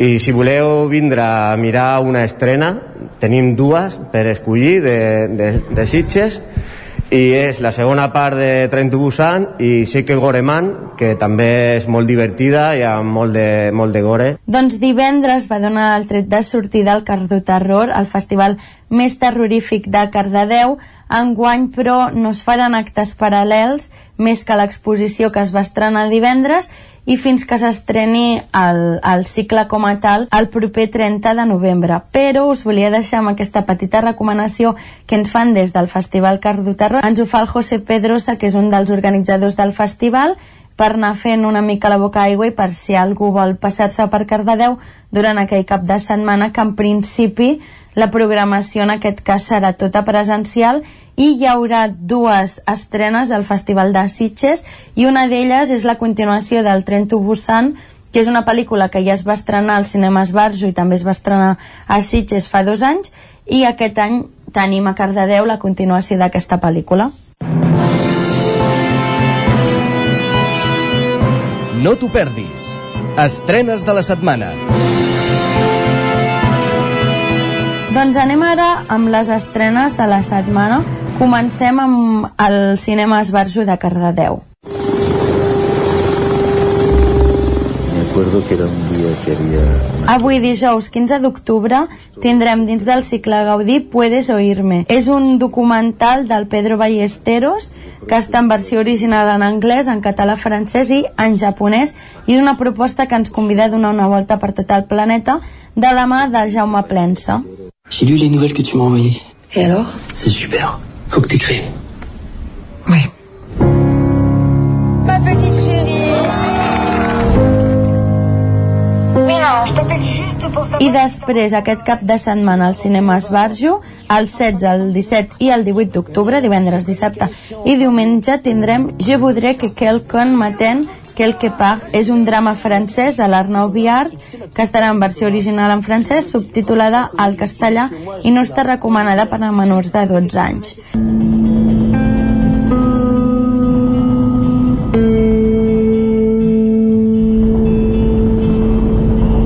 Zenabez a tener ginen, anez de lagartena. Nola ez dela gertu? Ez gaurta ez atzo, eta joan zen astean beste irutan. Aurreko batean kendu egin genion. I passem ara al cinema Sucre de Vic i comencem amb Anne, que és un drama del David Sanyudo, que s'estrenarà demà al cinema Sucre de Vic amb la Patricia López Arnaiz i el Miquel Losada.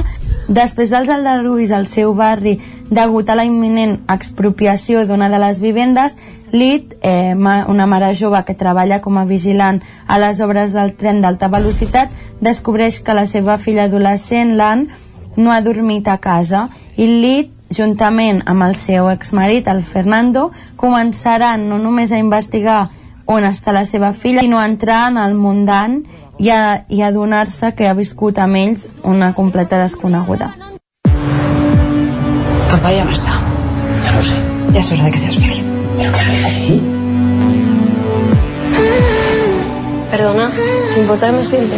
Es que he pedido dos hamburguesas y habría que... Doncs una altra de les estrenes, que com us deia també la podreu gaudir al cinema Sitges, és No mataràs, del David Victori. És una pel·lícula d'acció on trobem el Mario Casas, el Joaquín Caserza, el Víctor Soler, la Milena Smith i l'Elisabet Larena, i parla sobre el Dani, que en aquest cas és el, és el Mario Casas, que és un, un bon noi que durant els últims anys de la seva vida s'ha dedicat exclusivament a cuidar del seu pare que estava malalt i decideix tornar a la seva vida després de que es mori el seu pare.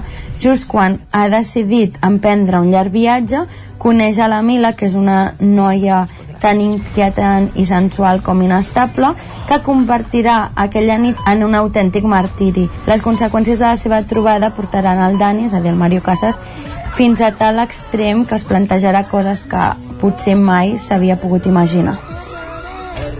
I avui acabo amb aquesta estrena d'animació infantil del Masazuku Hashimoto, per tant molt sabreu que us parlo de Shin-Chan, i en aquest cas la pel·lícula és Shin-Chan en Austràlia tras les Esmeraldes Verdes i explica una mica les aventures del Shin-Chan a Austràlia després de que la Missa i la seva mare proposi tota la família viatjar a Austràlia aprofitant una oferta de, de luna de miel. I amb això acabo recordar-vos que fins al 31 d'octubre tindreu a Filmin disponible tot el Terra Gullut i el Festival Tectònic, així que si voleu, només us heu de crear una compte i per un mòdic preu teniu accés a totes les estrenes que es faran durant aquests dies i que s'estan fent al Terra Gullut i al Festival Tectònic. I si voleu també podeu veure les estrenes del Festival de Sitges de manera online o us podeu subscriure al Festival Inèdit de Barcelona. Per tant, si en uns dies ens tornen a deixar a casa, no teniu excuses per no consumir cinema.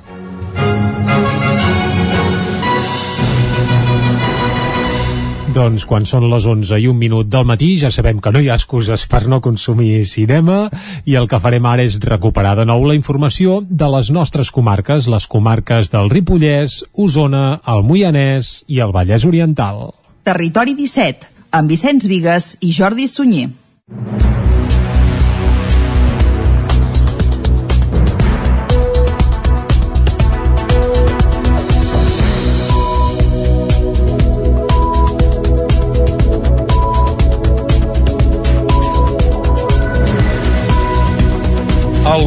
El, govern de la Generalitat ha ordenat el tancament de bars i restaurants fins a finals de mes que només podran oferir el servei de comandes per emportar i limitarà l'aforament dels comerços al 30%. També es prohibeixen les activitats que impliquen contacte físic i que no siguin mèdiques, com per exemple massatgistes o centres d'estètica, exceptuant les perruqueries.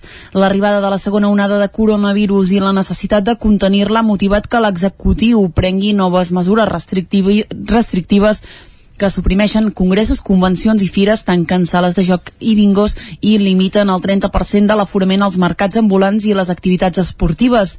Durant dues setmanes se suprimeixen totes les competicions esportives d'àmbit català tot i que els entrenaments es mantindran. A més, els teatres i els cinemes hauran de reduir a la meitat el seu aforament i tancar les 11 i els gimnasos on caldrà cita prèvia l'aforament màxim serà del 50%. L'executiu pretén reduir la mobilitat i la interacció social per evitar el col·lapse del sistema sanitari i un nou confinament. Ho explicava aquest dimecres Pere Aragonès, vicepresident de la Generalitat en funcions de president. Avui hem pres decisions difícils, conscients de les conseqüències socials i econòmiques que comporten, però alhora són decisions que, malgrat ser difícils, són del tot imprescindibles per fer front a la primera embestida de la segona onada de la pandèmia. Fa pocs minuts a Vic compareixia l'alcaldessa Anna R. ha demanat prudència i fer cas a les recomanacions per fer front a la que ha dit és la segona onada de la crisi sanitària. R també ha avançat que han demanat al Departament de Salut que valorin si cal suspendre també els entrenaments esportius estem ben bé dins d'aquesta segona onada i Vic comença, diguem-ne, en aquesta segona onada amb uns índexs massa, massa alts i que si no fem molt bé les coses podem estar doncs, en una situació molt preocupant. No sé si ens caldríem plantejar, i ara això ho hem plantejat a Salut i ens acabaran de valorar, si caldria doncs, eh, les instal·lacions esportives municipals doncs, eh, durant 15 dies que no fessin ni entrenaments eh? seria, és a dir, què podem fer? Nosaltres el que ens hem posat eh, diguem a disposició de salut de dir quines petites mesures que evidentment afectin el menys possible el que és l'economia, no? perquè aquestes em sembla que si es fan és perquè no hi ha volta de full, però aquelles que puguin ajudar a la mobilitat, a baixar la mobilitat i a baixar la interacció social. A la capital usonenca el sector de la restauració lamenta el tancament i demana suport econòmic al govern. Sentim per aquest ordre Ramon Molís de Caltusset, Albert Paquer del Fet Nostre i a Jordi Vestit del celler d'en Miquel.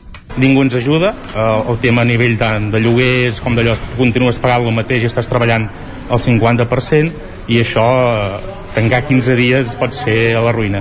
I jo seria el primer participant i absolutament d'acord en que em fessin tancar, però a canvi el que no pot ser és que després ens segueixin fent eh, pagar els mateixos impostos. Clar que ens acollirem al, al pla aquest de menjar per emportar, vull dir que en definitiva quan vam, ens van permetre obrir a menjar per emportar eh, no vam passar a tenir beneficis però, però si més no per poder assumir alguns, alguns pagaments que hi han fixes. Perquè entrin en vigor les mesures les ha d'avalar el Tribunal Superior de Justícia de Catalunya. Si són autoritzades, es publicaran al diari oficial de la Generalitat previsiblement avui perquè siguin vigents a partir d'aquest divendres i durant 15 dies. La Conselleria d'Interior ha anunciat una intensificació de la coordinació entre Mossos d'Esquadra i policies locals perquè les restriccions es compleixin. La situació epidemiològica d'Osona no millora. Els pacients ingressats amb coronavirus als centres sanitaris d'Osona han tornat a pujar aquesta setmana. Segons la darrera actualització de dades, aquest dimecres hi havia 42 persones ingressades amb confirmació de coronavirus entre l'Hospital Universitari de Vic i l'Hospital de la Santa Creu. L'Hospital Sant Jaume de Manlleu, mentrestant, es manté lliure de coronavirus. Aquestes xifres signifiquen un augment de 8 persones respecte a la setmana passada. D'aquests, 42 pacients, 31 han estat ingressats aquesta setmana, 3 ingressos nous menys que la setmana anterior.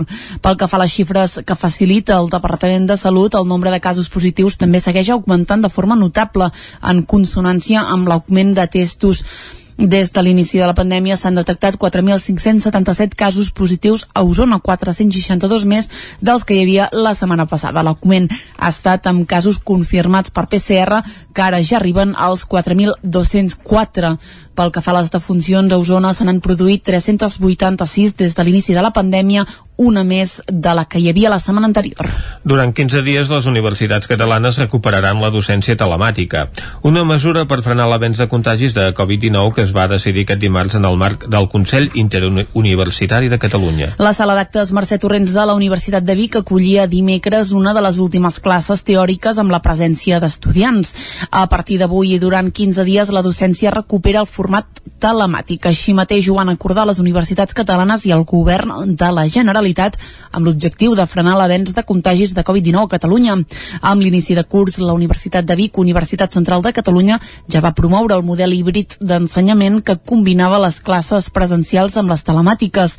A partir de demà, però, la presència dels estudiants a l'aula pot reduir-se fins a un 15%, ho explica Albert Juncà, vicerrector de professorat de la UBIC amb aquest nou impacte que el dilluns, el dijous es concretarà i es farà efectiu i que ara cada, cadascuna de les facultats està estudiant com, com, com impactarà en cadascun dels graus, eh, també recau en els mateixos estudiants. Per tant, vol dir que si algú a principis de, de fa un any, quan no hi havia el coronavirus, venia al 100% de les sessions, al setembre venia al voltant d'un 50%, i ara aquí, dependrà del grau, segurament reduirem això un 15, un 20, un 10, fins a nou avís, els alumnes hauran de seguir les classes des de casa. Podran tornar a la facultat per assistir a les classes de les matèries que s'han de dur a terme en instal·lacions o equipaments específics. És el cas de Natàlia León i Ariana Carreras. Totes dues són estudiants de tercer curs d'infermeria. Tenim moltes coses online i llavors tampoc ens dona temps i potser venint aquí doncs ho avancem més ràpid i... O podem preguntar les coses més sí. ràpidament i no hem d'esperar que ens enviïn un mail, per exemple. Durant aquestes dues setmanes també es mantindran les activitats d'avaluació presencials que ja estaven previstes. La Guàrdia Urbana ha posat 45 denúncies aquest mes per no complir les mesures sanitàries. La Guàrdia Urbana de Vic ha fet des de l'1 d'octubre 49 controls policials a diferents llocs de la ciutat per comprovar l'ús de la mascareta a la via pública. En aquests controls s'han interposat 45 denúncies, 26 per no portar posar de la mascareta. A més, 9 persones han estat denunciades per participar en una botellada conjunta i 10 persones més per consumir alcohol de forma individual o en grups a la via pública. Les sancions per no portar la mascareta són de 100 euros, tal com estableix la normativa de la Generalitat. El consum d'alcohol a la via pública regulat per l'ordenança de civisme de Vic comporta una multa de 150 euros. Camprodon es queixa dels talls reiterats en la telefonia mòbil i espera millorar el servei de televisió amb la finalització de la torre de telecomunicacions del Serrat dels Boixos a finals d'any. Isaac Muntades, des de la veu de Sant Joan.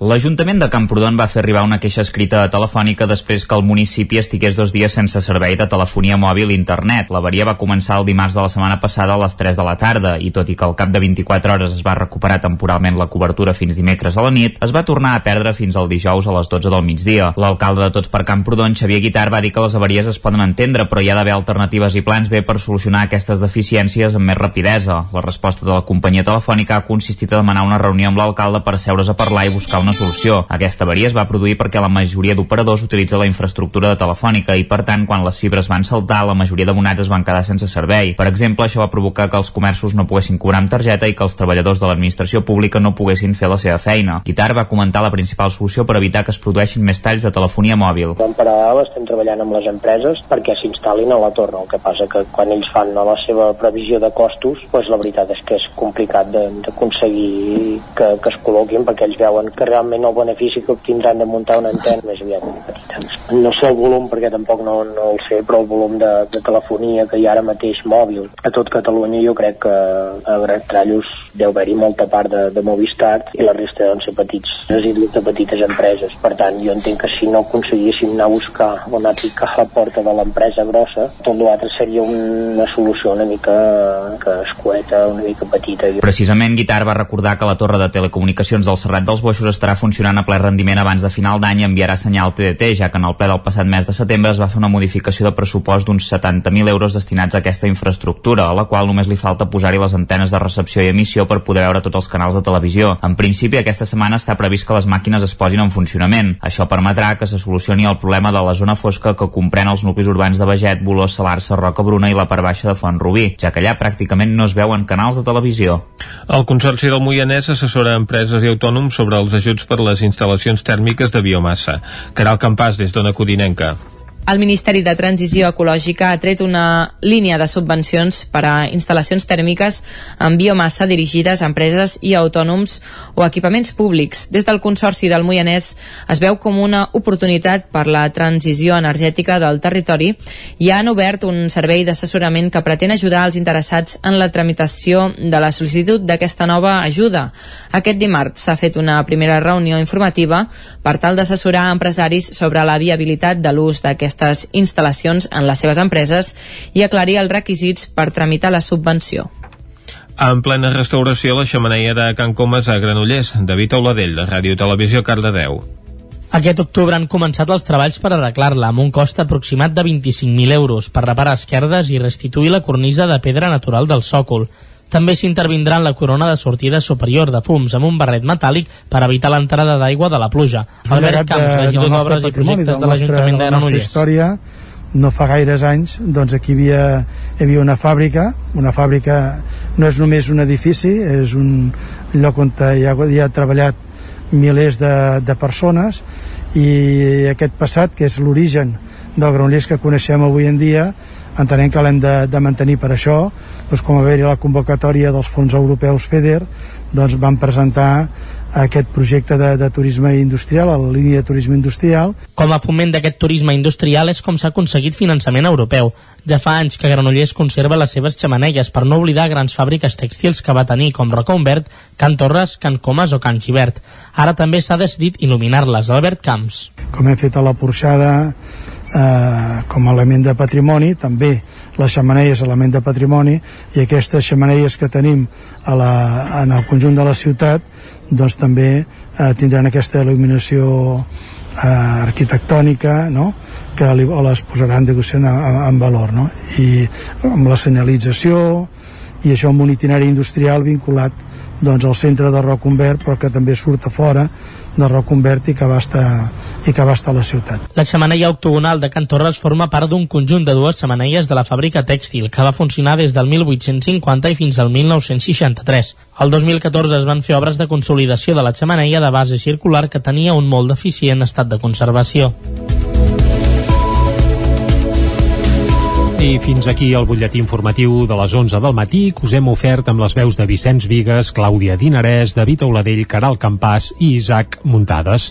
Ara el que toca és fer una breu pausa i de seguida saludem a la Cristina Enfruns, que cada 15 dies ens ajuda a parlar una mica millor el català. De seguida li diem bon dia. Territori 17. Envia'ns les teves notes de veu per WhatsApp al 646 079 023. 646 079 023. WhatsApp Territori 17.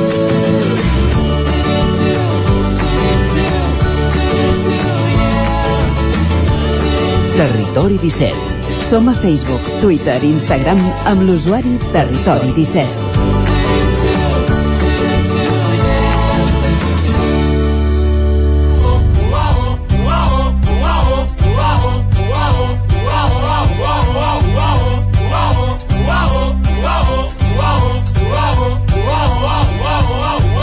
Doncs quan és un quart de dotze en punt del matí, Vicenç, saludem a la Cristina, sí? I tant, que avui la la tenim Enfruns. a casa seva, eh? mig confinada ja, eh? però, Mig però confinada. viva i activa, eh? Cristina, molt bon dia Hola, bon dia.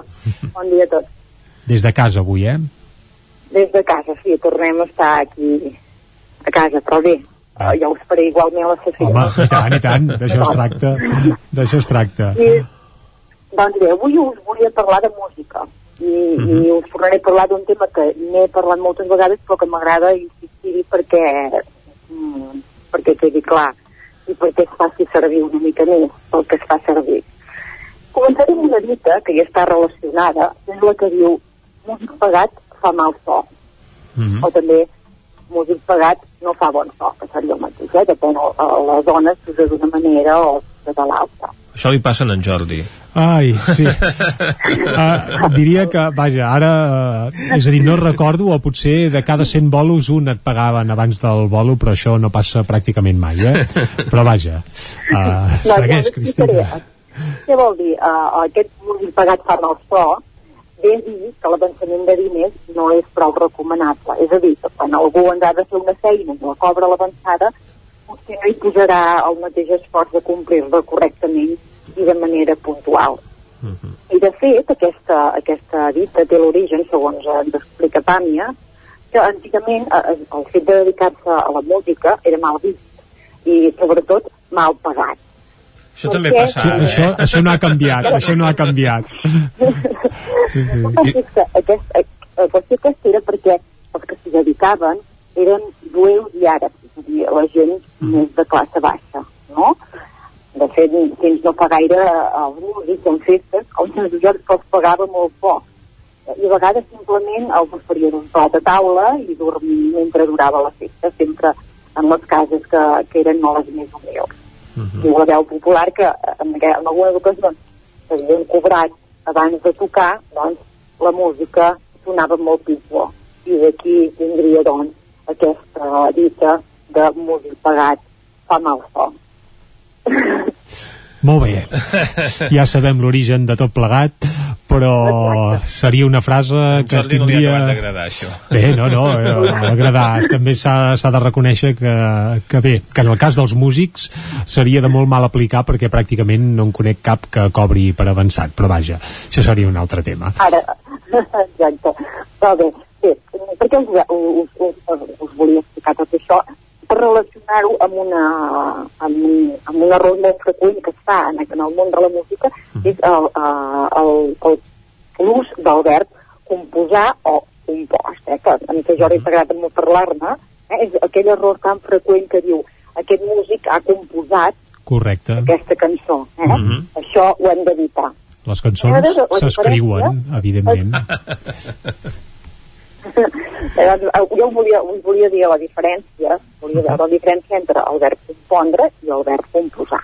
Compondre té diferents significats.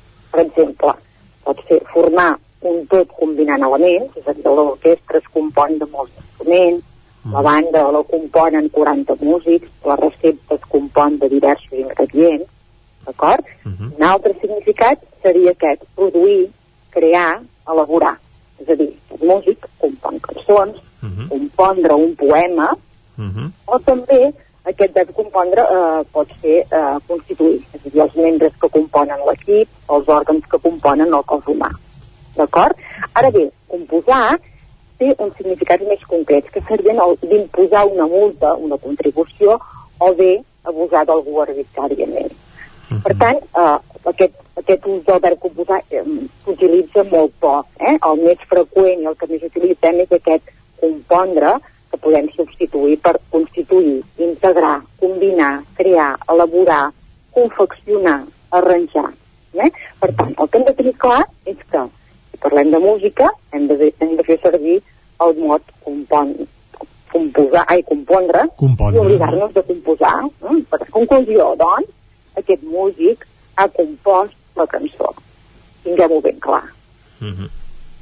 D'acord? Ho tenim claríssim. Tot i que escriure és molt bonic també, eh? A més té, però vaja... Uh... Però això ho diuen els músics i, i no ho entén el públic en general que quan els hi parles d'escriure eh, doncs ho entenen com a una, una composició en lletres ah, no és el mateix, no amb notes. eh? però bé, el, el tinguem clar això el que sí, sí, entre el composar i el composar alternatives mm -hmm. uh, però més de compondre hi ha moltes altres alternatives eh? com dieu escriure però també doncs, crear, elaborar, confeccionar n'hi ha moltes més, eh? vull dir que si dubtem a com, com ho hem de fer servir doncs podem triar altres camins per dir-ho d'alguna manera molt bé, Cristina, sí? ens queda claríssim doncs què et sembla? Un altre cop, tornem a insistir en mateix tema, però bé. No, ja està bé, ja està bé. Anem a una cançó o què, Cristina? Anem, avui us en porto dues, si tenim temps les escoltarem, si no, però bé, tot relacionat amb, amb, amb el mateix tema. I doncs... qui les ha compost, aquestes cançons? A veure, ara en Jordi ens explicarà. Ah, Va, sí? Qui, Cristina, tu me n'has enviat un parell, eh? Quina vols primer? Et posem una comencem cançó... Per la, comencem primer, primer potser per les, uh, de les Arts a aquestes alçades de la pel·lícula. N'escroltem un fragment i després i la repassem perquè segur que hi ha alguna errada que si prem bé l'orella aviam si som capaços de trobar-la. Escoltem eh, aquesta cançó. De genolls que encara t'estimava i tu m'has contestat jo no Potser m'esperava una mica més de feedback Mira'ns bé. Com pot ser que després de tants anys em diguis que prou, que som al cap del carrer. Tens les maletes fetes, tens el motor del cotxe al ralentí, però abans que te'n vagis, deixa'm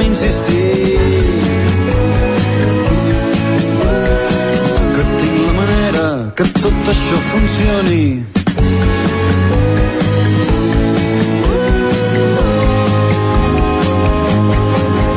Trucarem als millors guionistes que acostumen a ser americans. En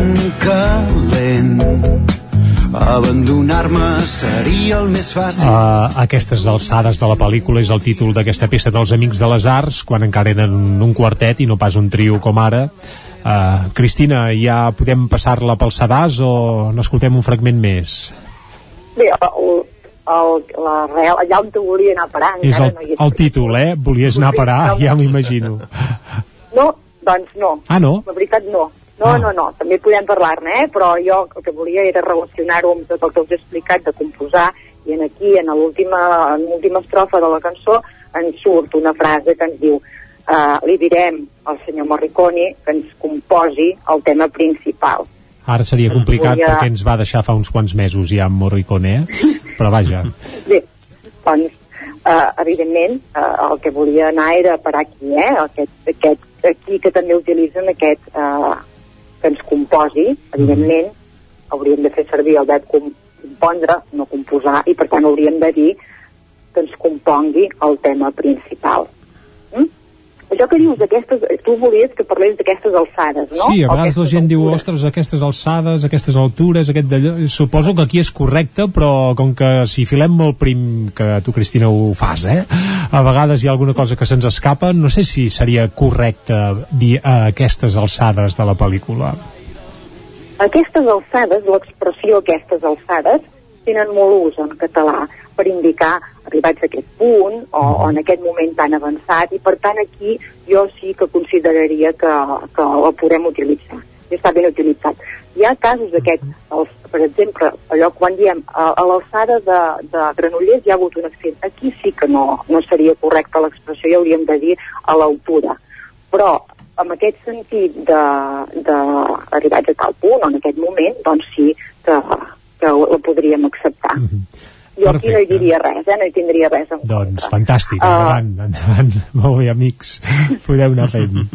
Uh, què et sembla? Escoltem la segona cançó, Cristina? Doncs també, sí, el, podem esc- escoltar la, la Va. segona per també acabar de rematar el tema aquest de compondre i composar. Doncs un fragment de la cançó de la noia de l'altre cantó del bar. El títol és molt llarg, el, en canvi el títol del grup que la cantava és molt curt, era Sau. sense ningú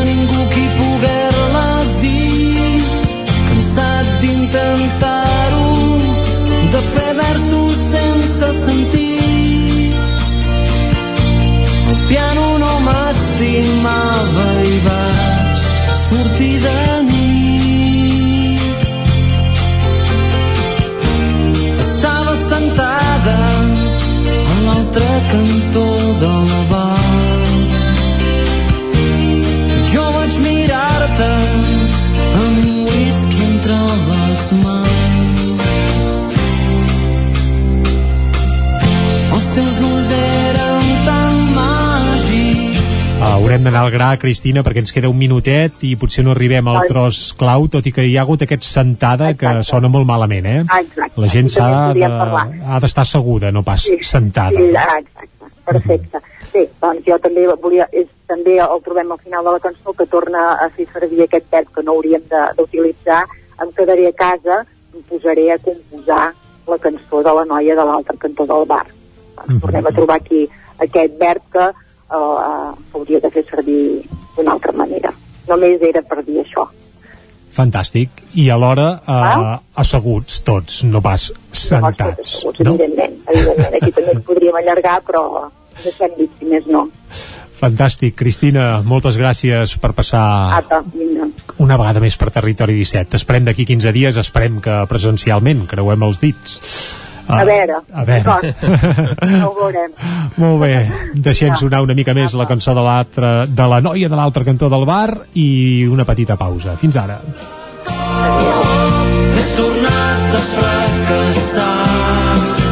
Territori 17 El nou FM, la ràdio de casa, al 92.8. I si aquest any fem el sopar d'empresa al racó de León? Mmm, podrem triar entre confitado de pato con salsa de ciruelas y manzana en compota o cochinillo asado a la castellana con patatas teja i fer un aperitiu amb gambes i navalles. I de segon, filetes de lenguado rellenos de langostinos y muselina de frutos secos. I tot acompanyat del millor celler. El sopar d'empresa, al racó de León. Carrer Torelló 35 de Vic. Telèfon 93 889 1950. Som especialistes en cargols a la llauna. Vine a tastar-los al racó de León. Et costa l'escola? Vine al Magí. T'oferim atenció personalitzada en grups reduïts per descobrir i superar els obstacles per aprendre.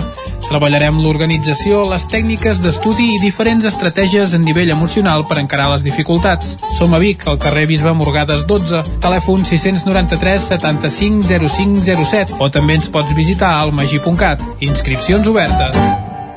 Cocodril Club. Si t'agrada la bona música dels anys 60, 70 i 80, escolta el 9 FM als matins de dissabtes i diumenges d'11 a 1. És el temps del Cocodril Club, tot un clàssic de la ràdio, amb les bases del pop-rock, les llegendes, les cançons que s'han convertit en autèntics himnes. Recorda, dissabtes i diumenges al matí, d'11 a 1, al 9 FM 92.8. Cocodril Club, el programa revival de l'Albert Malla. Hasta luego, cocodrilo.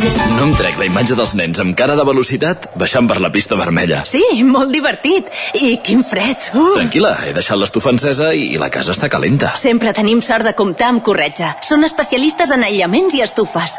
Acabar la jornada d'esquí amb la família al voltant de l'estufa i amb aïllaments de primera és 100% corretja. Corretja. Tot i més a corretja-sl.com. Pintures Xavi Soler. Tot en pintures. Façanes, obra nova, rehabilitacions interiors de vivenda, estucs, microciments, pintura industrial, motllures, terres vinílics. Pintures Xavi Soler. Ens agrada assessorar-vos i fer de casa vostra el millor lloc del món. Ens trobareu a Manlleu, al carrer Sogorb 113, telèfon 616 1587 33 o 93 851 3504. Cada territori té un atractiu o més d'un. El fruit, el paisatge, la seva gent, les pedres... Camins de l'Eix. Descobrint el capital de terra endins. Camins de l'Eix, dissabte a les 9 del vespre al 9 TV. Aquesta setmana al Bisaure, amb el suport de la Generalitat de Catalunya. 7 milions i mig de futurs.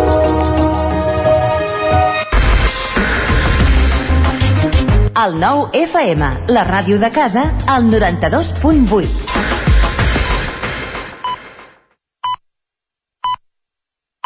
de Segre. La ruta comença al punt d'informació i àrea de descans de l'embassament d'Utxesa, situat al sud del pont que creua el canal d'Unió entre els embassaments d'Utxesa i del Sacà. Per accedir-hi s'agafa la carretera que surt de Sarroca de Lleida, que és un poble situat al peu de la N230 al sud de Lleida, i s'agafa aquesta carretera en direcció a Utxesa. I poc abans d'arribar a aquesta població es pren una desviació indicada cap a Utxesa Molí. S'estaciona el cotxe a l'aparcament del costat del punt d'informació i s'inicia la caminada. Es comença fent marxa enrere per donar una volta en direcció al nord cap al pont i als 70 metres es deixa la carretera i es gira a la dreta. Es va tombant cap al sud, passant prop de l'aigua que durant tot el recorregut es manté a l'esquerra. Els punts d'interès són el pantà d'Utxesa, el pantà del Sacà, la bifauna i els aiguamolls del pantà d'Utxesa. Al Segrià podeu trobar moltíssimes rutes. Per exemple, al Segrià en bicicleta, que podeu fer de Raimat a Suquets, Almacelles, la Serra del Bou i Sucs. És un itinerari en bicicleta pel sector nord-occidental del, del Segrià i l'indret està profundament transformat per la implantació del rec i el conreu de la vinya i resulta interessant des del punt de vista cultural, agrícola i gastronòmic. La dificultat és mitjana a una distància d'uns 29 quilòmetres i en un temps de 2 hores 20 minuts. És una ruta circular que comença a la plaça Major a Raimat i acaba aquí mateix.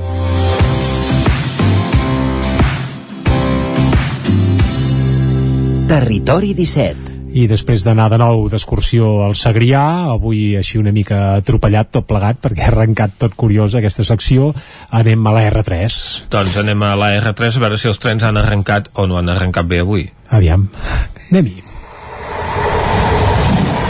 A Tren d'Alba.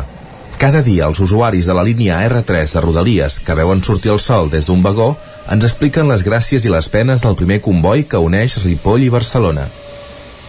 Benvinguts a Tren d'Alba. Doncs ara fa uns dies que Foment es va plantejar el desdoblament parcial de la R3 de la sortida de Vic, que seria una gran notícia si es concretés, perquè sempre hi ha molts anuncis i poca realitat. Això seria una solució provisional i parcial per aconseguir agilitzar i augmentar la freqüència de pas dels convois que arriben a la capital d'Osona. La proposta consistiria a col·locar doble via en un tram d'un quilòmetre entre les estacions de Vic i Balanyà Tona Ceba. Aquesta bifurcació momentània seria el pas previ a l'esperat desdoblament de la nostra estimada R3, que a Osona començaria pel sud, el tram entre entre Vic i Centelles, que orogràficament és poc complicat. Veurem si això acaba agafant forma o és una altra cortina de fum que no s'acaba complint. El temps ens dirà una cosa o l'altra. Avui no tenim crònica de la Núria i no sabem si és perquè no té cobertura o si és que el tren ni tan sol ha sortit del seu destí. En fi, és un misteri, però esperem que estigui bé i demà la puguem tornar a escoltar. Va, ens retrobem aquest divendres i recordeu que ja portem un retard acumulat de 3 hores i 14 minuts des de l'inici d'aquest mes de setembre. Territori 17 el racó de pensar, a Territori 17. Doncs després d'anar cap al Segrià i d'anar a fer un vol en tren, avui sense cronista, Vicenç, el que toca és anar cap a Cardedeu i saludar la Maria López. Clar que sí, anem cap a Cardedeu, allà ens espera, doncs, com cada dijous, la Maria López. Bon dia, Maria. Hola, què tal? Hola, bon dia, com estem? Bon dia, bon dia. Bé. Bon fent, dia, fent. com anem? Bé. Bé, em, em sentiu bé? Sí, sí, sí. Et sentim perfectament, Maria. Ja intuïm que no estàs confinada, per tant, avui et tenim en directe I que no estàs sola, exacte. exacte. I a més no estàs sola perquè I no també sentim, sola. sentim caliu. Sí, sí. Sí, sí, sí. Mireu, us explico. Jo ja sé que vaig dir que intentaria uh, deixar una mica de banda uh, els temes del Covid i uh, intentaríem recuperar uh, aquella alternativa de temes, però és que ahir, 14 d'octubre, va fer un mes exacte que els infants varen tornar a l'escola. Així que un mes de classes amb aquesta nova normalitat, un mes d'entrades esgraonades, un mes de grups bombolla, de cues per prendre la temperatura, de gel hidroalcohòlic a totes hores i un mes que ara sí ens permet fer una miqueta de balanç sobre quin és el resultat d'aquest desconfinament escolar. De moment, pel que fa als estudis superiors, el resultat no ha estat gaire positiu. Des d'avui les universitats de Catalunya faran totes les seves classes teòriques online. I això serà així durant com a mínim els propers 15 dies. Ara sí, pel que fa a les escoles i instituts, de moment ens hem anat trampejant i ens hem anat trobant de tant en tant amb aquells grups confinats. Aquest ara sí, ara no, i tornem a començar. Però al marge de com anem trampejant la situació, cada vegada que hi ha un positiu, ens han preguntat per com s'ho fan els docents fins ara, com s'ho han fet, i no parlem de com s'han organitzat, que tot això ho tenim bastant clar i ja sabem que una mica cadascú ha fet el que ha pogut i s'ha tret les castanyes del foc com podia. Uh -huh. Parlem de com s'ensenya, de com s'educa en el dia a dia, al marge del contingut curricular, quines eines han desenvolupat aquests docents per equilibrar aquella boca tapada amb mascareta, per fer arribar un somriure, per consolar en definitiva, per fer de mestres, de monitors, d'educadors, tot i les limitacions que tenim. Així que avui comptarem amb testimonis, amb la veu dels docents que ens explicaran com s'ho han fet fins ara i comptarem, com o no, amb la presència, ajuda i saviesa dels nostres tertulians. Juanjo Fernández Solà, ell ha estat professor i ara és escriptor, formador i conferenciant per a famílies, escoles i empreses. Col·labora a l'Ara Criatures i al Revolució 4.0 de TV3 fent il·lustracions. Bon dia, Juanjo. Bon dia.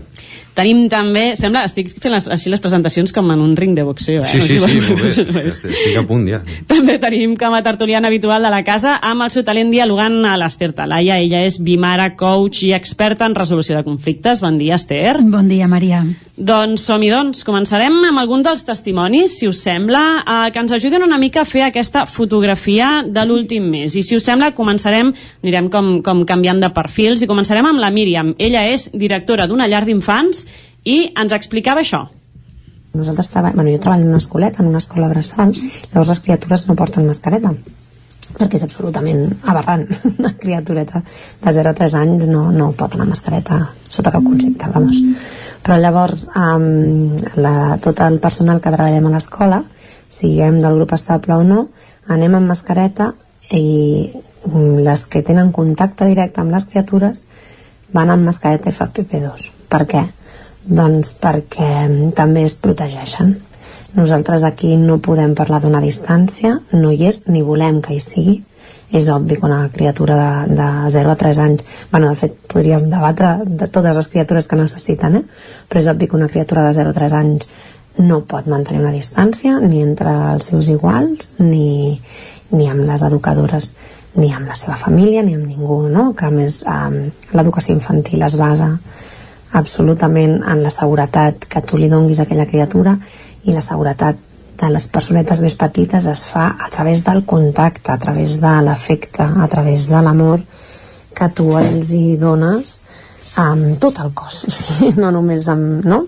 bueno, crec que s'entén. Llavors, eh, nosaltres ens portem, ens posem les mascaretes FFP2 per tal de tenir la màxima seguretat que estem protegides també, però poder-nos abraçar i, i donar-los el contacte que necessita sense cap uh, por i sense cap barrera. És veritat que aquest curs hem començat amb criatures noves i doncs la mascareta dificulta, dificulta.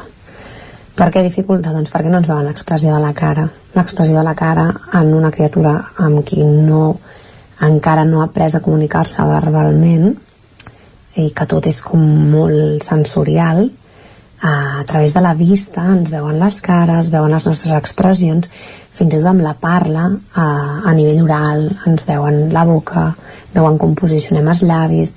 Això, tot això aju ajuda a que les criatures després eh, doncs adquireixin un llenguatge eh, en, verbal i no verbal no? les expressions. I tot això amb la boca tapada i amb el nas tapat ho perdem. Um, de moment, nosaltres des de l'escoleta el que hem intentat és uh, buscar um, mascaretes que tinguin la boca amb aquest material tipus plàstic o no sé què deu ben ser que és transparent però no en trobem cap que estiguin homologades o que es puguin fer factura. Llavors uh, no, no les podem adquirir la veritat és que La Míriam ens parlava d'aquestes mascaretes transparents eh, que d'alguna manera els hi podrien fer, els hi podrien ajudar bastant en el, en el tema d'això que es perd, no? aquesta, aquesta imatge i que precisament ens deien aquestes edats de 0 a 3 és, són com super importants. Juanjo, just fa uns dies, un parell de dies, tu i jo parlàvem d'aquestes mascaretes, oi? Sí, sí que existeixen pantalles facials eh, homologades i a més molt nostrades perquè estan fetes aquí eh, a casa nostra eh, la gent de la màquina de fer coses és la màquina de fer coses.cat tenen la MaskCat que des del principi del confinament van estar-hi treballant, tenen diverses versions però el que és la pantalla fixa que és una pantalla que s'agafa amb una diadema eh, diguéssim, com una cinta d'índio diguéssim, al, al cap i llavors tens la pantalla aquesta de plàstic transparent i, ostres, va molt bé. Mm, jo, jo l'he provat per fer, per fer xerrades i està molt bé. Mm, com tot té les seves coses la veu et surt lògicament una mica com, com més metalitzada o més robòtica però se't veu tota la cara perfectament. I t'evi- t'evita també anar-te tocant tu la cara que és un dels factors possibles de, de contagi i, bueno, és barateta també Són homologades aquestes que són dels dubtes que tenia la, Míriam, fixa, eh? La fixa sí, la fixa és, eh, la fixa és homologada. També s'ha de dir que amb, amb aquest tema, eh, quan vaig fer la conferència amb, amb, amb la meva que és abatible eh, recordo que ho vaig posar a Instagram i llavors un munt de gent comentant sí, però t'has de posar també la mascareta. No, però això no et protegeix. No, a veure, eh, con la calma o sigui, aquestes eh, tampoc la mascareta ens, ens protegeix. Recordem que les mascaretes excepte la super eh, d'allò són per protegir els altres, no per, eh, no per protegir-nos tant nosaltres.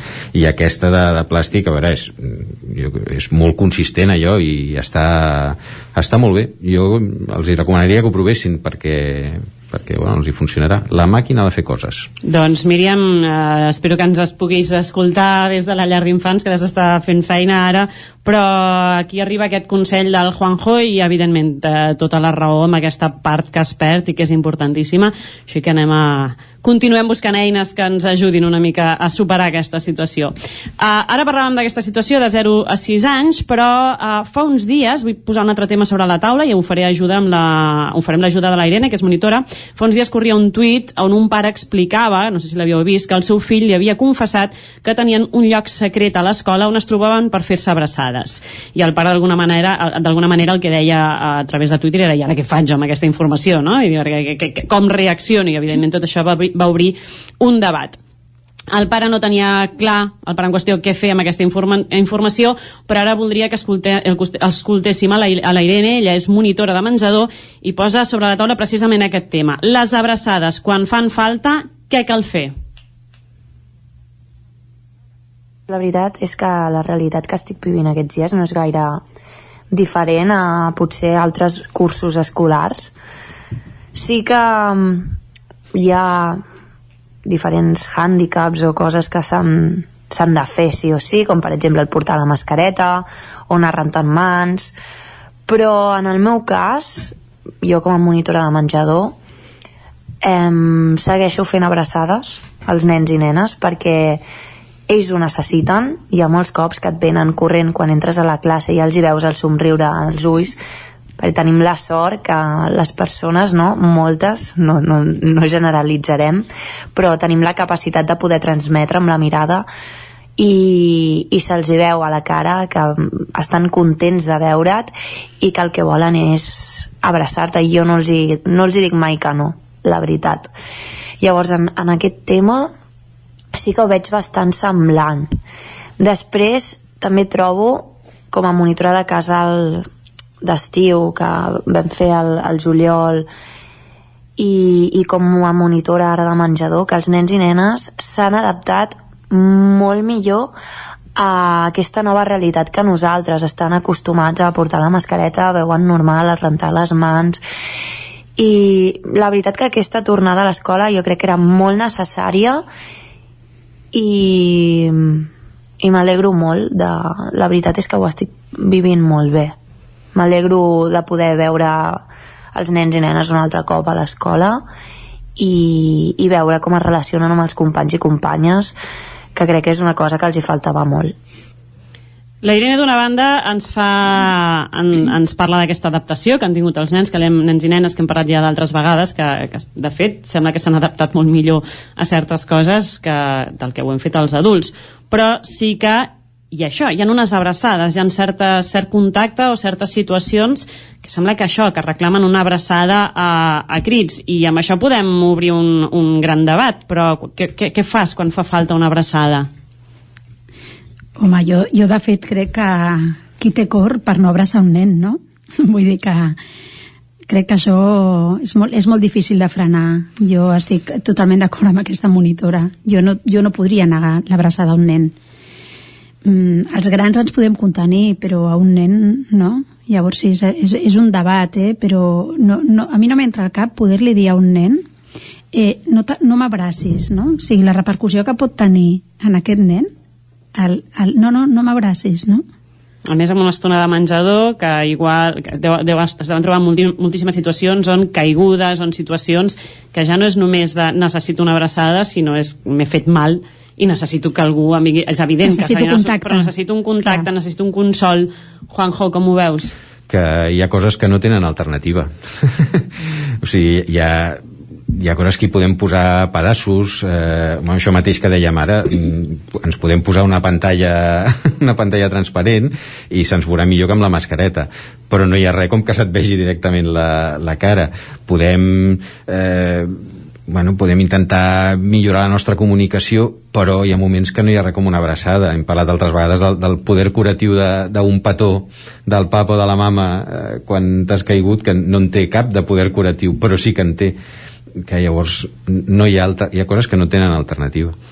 Escoltarem ara la Marta, ella és tutora de quart de primària i a part de les possibles problemàtiques que suposa la mascarota, la mascareta, la mascarota, mascarota. la rebatejaré, m'agrada més sí. mascarota, eh?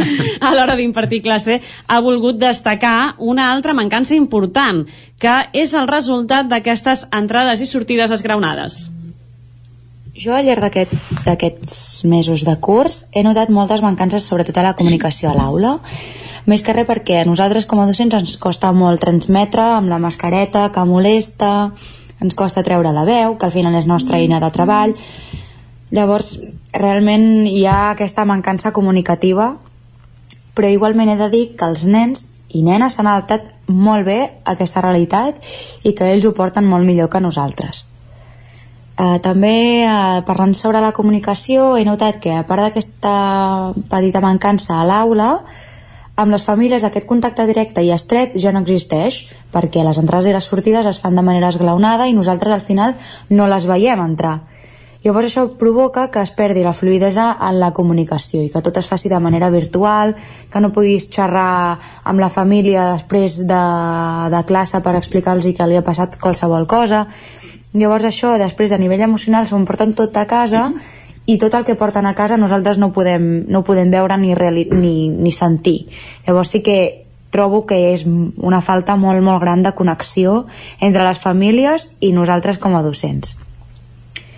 Um, a part, a nivell emocional això no es pot treballar bé perquè per tota aquesta mancança que hi ha de comunicació amb les famílies i saber tot el bagatge emocional que porten els alumnes a classe i llavors trobo que, que això ens ha afectat molt també m'agradaria destacar doncs, que um, a nivell emocional tot allò que ens ensenyen a l'escola, la socialització, el creixement personal, eh, ens falta molt i com a docent costa molt no apropar-te quan un infant està malament, quan necessita una abraçada i jo realment els hi dono tot el que necessiten i més, si necessiten parlar soles amb mi ho fan i si necessiten una abraçada també els hi donaré perquè la veritat és que ho necessiten molt.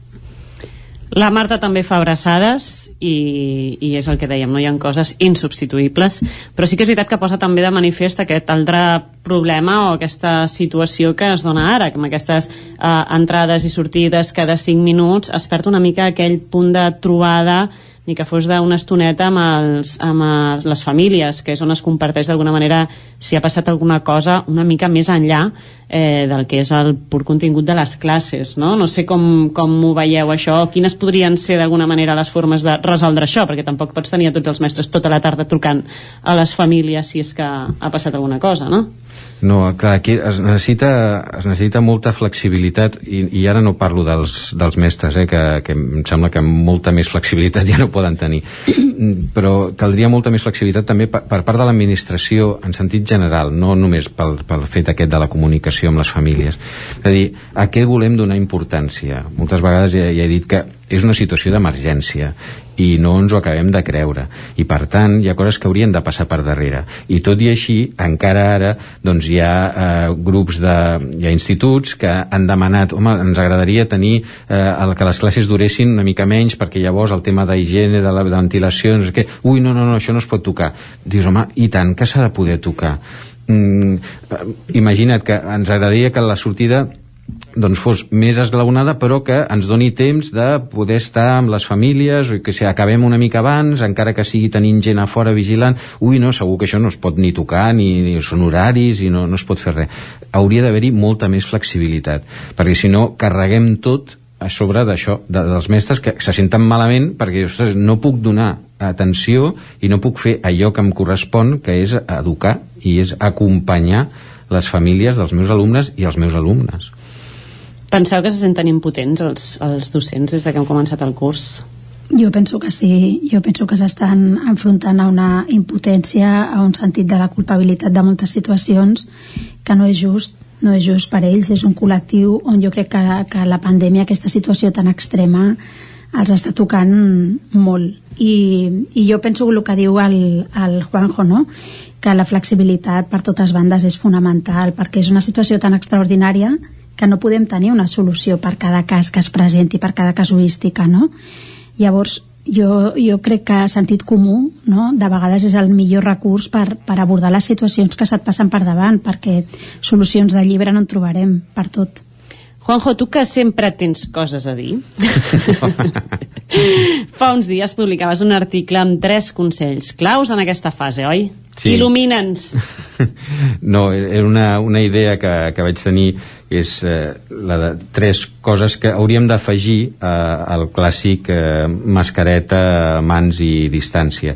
Jo deia, eh, la mascareta i l'autenticitat. És a dir, en aquests moments és més important que mai la nostra comunicació a través de la mirada, a través del gest, eh, també hem d'aixecar més la veu, que hi ha mestres que s'estan carregant la, la veu aquests, aquests dies, però hem d'intentar ser al màxim d'autèntics en la nostra expressió, encara que ens pugui semblar exagerat. Aquests dies pot ser més com fer teatre, perquè portem, com deies, una mascarota que, que, ens, pot, eh, que, que ens pot tallar aquesta comunicació, siguem el més autèntics possibles. Eh, utilitzem l'hidrogel i rentem-nos les mans, però siguem molt empàtics. És a dir, que no siguem, tot el contrari de ser asèptics. La, la la higiene ha d'estar en les coses, en els objectes i si cal en la nostra pell, però hem de ser extraordinàriament empàtics, posar-nos al costat, en el lloc de la persona que tenim davant. Si normalment ja no sabem eh, quines batalles està lliurant cadascú en el seu interior, aquests dies encara menys perquè estem separats i estem embadurnats en productes i portem la mascarota posada doncs siguem molt empàtics, o sigui, què deu estar pensant, per, on, per què deu estar passant aquesta altra persona. I finalment, mantinguem la distància que hem de mantenir, però precisament per això hem de ser molt més presents. Llavors, és ser-hi, no, no, no escaquejar-nos, sinó ser, ser allà, ser al costat, eh, fer-nos fer, -nos, presents, no, no, no evadir-nos, no escaquejar-nos quan estem en la, en la feina. Al contrari, i això segur que ens, ens podrà parlar l'Ester, sí que hem de ser capaços de, de trobar les nostres maneres d'evadir-nos de la constant pressió de la, del tema de la Covid, que, que, no, que no estiguem dins una bombolla de Covid eh, sempre. Autenticitat, empatia i resistència. Aquests presència, són els... Presència. presència perdoneu, aquest és el, els ingredients d'alguna manera que ens porta el Juanjo avui. Però hem anat parlant molt del, hem parlat molt d'eines i d'alguna manera de com s'ho han de fer els docents de cara als alumnes, però Esther, està clar que per als docents aquesta etapa tampoc és gens fàcil, ja ho hem comentat, que segurament se sentien molt impotents, més exigència, nervis, incertesa i mancats una miqueta d'eines. Pel que fa a l'autogestió emocional d'aquests docents, què els hi podríem dir? Home, jo crec que, que més que mai cultivar el seu espai i cultivar una estoneta diària de tot allò que els fa sentir bé sortint d'aquesta pressió, no? Si a un docent li agrada, uh, no? abans parlàvem fer esport, doncs una, una estoneta de fer esport. Si t'agrada meditar, meditar. Però cultivar més que mai tot allò i donar-te compte que la vida és molt més àmplia que, que el tema Covid, no? I, i de vegades eh, la pressió és tan gran que sembla que només estàs vivint allò, no? I en realitat, eh, docents i no docents, tots tenim una vida. Mm. I jo crec que fer l'esforç de poder mirar amb els ulls de què més tinc a la vida i què és tot allò que em fa sentir bé, no? Jo crec que també és important que eh, això de ser superman o superwoman, no? encara que siguis docent, no és necessari. Crec que són molts els pares que podem entendre i empatitzem amb el que estan sentint. Per tant, jo els convido a que puguin expressar, a que puguin eh, donar-se aquest respecte cap a ells, de dir, pues no, no estic bé, no ho estic gestionant bé, què puc fer per mi o què puc fer perquè m'ajudin els altres, no? Aquesta mirada d'un professional de que m'ajudi a poder canviar aquest enfoc no? que ara mateix té la meva vida. Però sobretot és no cuidar-se no, no, no oblidar-se d'ells i, i aquesta mirada més àmplia fora del Covid, jo diria. Us sembla que se'ls ha mantingut massa al marge en tot el, el, el grup docent, eh? vull dir, en tot el que ha sigut presa de decisions sobre com gestionar aquesta situació? Sí, el que és que jo crec que estan malauradament acostumats A que, es, a que, a que no se'ls tingui en a que, compte? a que, a que no, sí, a que no es consideri la, la seva opinió llavors són tot decisions institucionals eh, polítiques i, i no bueno, és el que anàvem veient a principi de, del confinament que deies, bueno, però algú està i després decidint, no, hi haurà avaluació no hi haurà avaluació, no, és eh, aprovat general, no, però no es pot avançar, no, però si, dius, algú, algú ha, ha parlat eh, amb, amb, els, amb els mestres a principi ara de, de curs mm, les direccions bueno, feien molta conya, que jo crec que també el sentit de l'humor és fonamental aquests dies per, per poder resistir, que feien molta conya de dir, bueno, espero amb impaciència que, que em diguin al telenotícies quines són les mesures que, que s'han pres per la- per l'escola, perquè no ens està arribant cap instrucció, sinó amb posterioritat. Que llavors tens la sensació de que moltes vegades són com globus sonda, allò de anem a provar, deixem anar això, a veure què, a veure què diuen, com respiren, però, però prendrem la decisió igualment i ja està. Esther, tu creus que se'ls està deixant massa de banda? Sí, totalment, totalment. Jo crec que no, és, és un col·lectiu tan important pel futur dels nostres fills i se'ls té tan poc en compte. Jo l'altre dia vaig, vaig tenir una, una, bueno, una reunió d'aquestes virtuals que tenim tots els pares, no? I em va sobtar molt perquè el tutor del meu fill eh, ens va demanar perdó. O sigui, va dir, ja ho he fet amb els vostres fills a l'aula, ja els hi he demanat perdó per tota la situació que estan visquent i també us vull demanar perdó a vosaltres, no? Em va impactar perquè no, aquest pes de responsabilitat que estan portant a sobre quan estan fent el que poden o estan fent fantàsticament bé la majoria, la majoria estic convençuda i que, un, no, que hagin de demanar perdó per algo que és aliè a ells és, crec que és com, no, simbolitza molt el que estan vivint això Doncs amb aquesta música que ens arriba de fons, arriba al final del racó de pensar d'avui. Gràcies, Juanjo, gràcies, Esther, per acompanyar-nos una setmana més a l'estudi. A vosaltres. Gràcies, Òscar, a l'altra banda del vidre. I gràcies a tots els testimonis que ens ajudeu a posar llum i veu a la nostra tertúlia. Companys de Vic, de seguida us torno al relleu, però abans deixeu-me recordar que dijous vinent tornarem a ser aquí amb un nou tema i una nova tertúlia Made in Racó de Pensar. Fantàstic, doncs fins dijous que ve, Maria, moltes gràcies. Moltes gràcies. Adeu. Adeu-siau. I nosaltres, Vicenç, anem per acomiadar. Exacte, també diem adeu als nostres oients perquè és l'hora de posar punt i final al territori 17 d'aquest dijous. Un territori 17 que hem fet Clàudia Dinarès, Caral Campàs, Isaac Muntades, David Auladell, Pepa Costa, Isaac Moreno, Guillem Freixa, Núria Lázaro, Cristina Enfruns, Maria López, Jordi Sunyer i Vicenç Vigues. Nosaltres tornarem demà, com sempre, des de les 9 del matí i fins a les 12 del migdia. Adeu. Ciao. Territori 17, un magazín del nou FM. La veu de Sant Joan, Ona Codinenca i Ràdio Cardedeu amb el suport de la xarxa. El nou FM.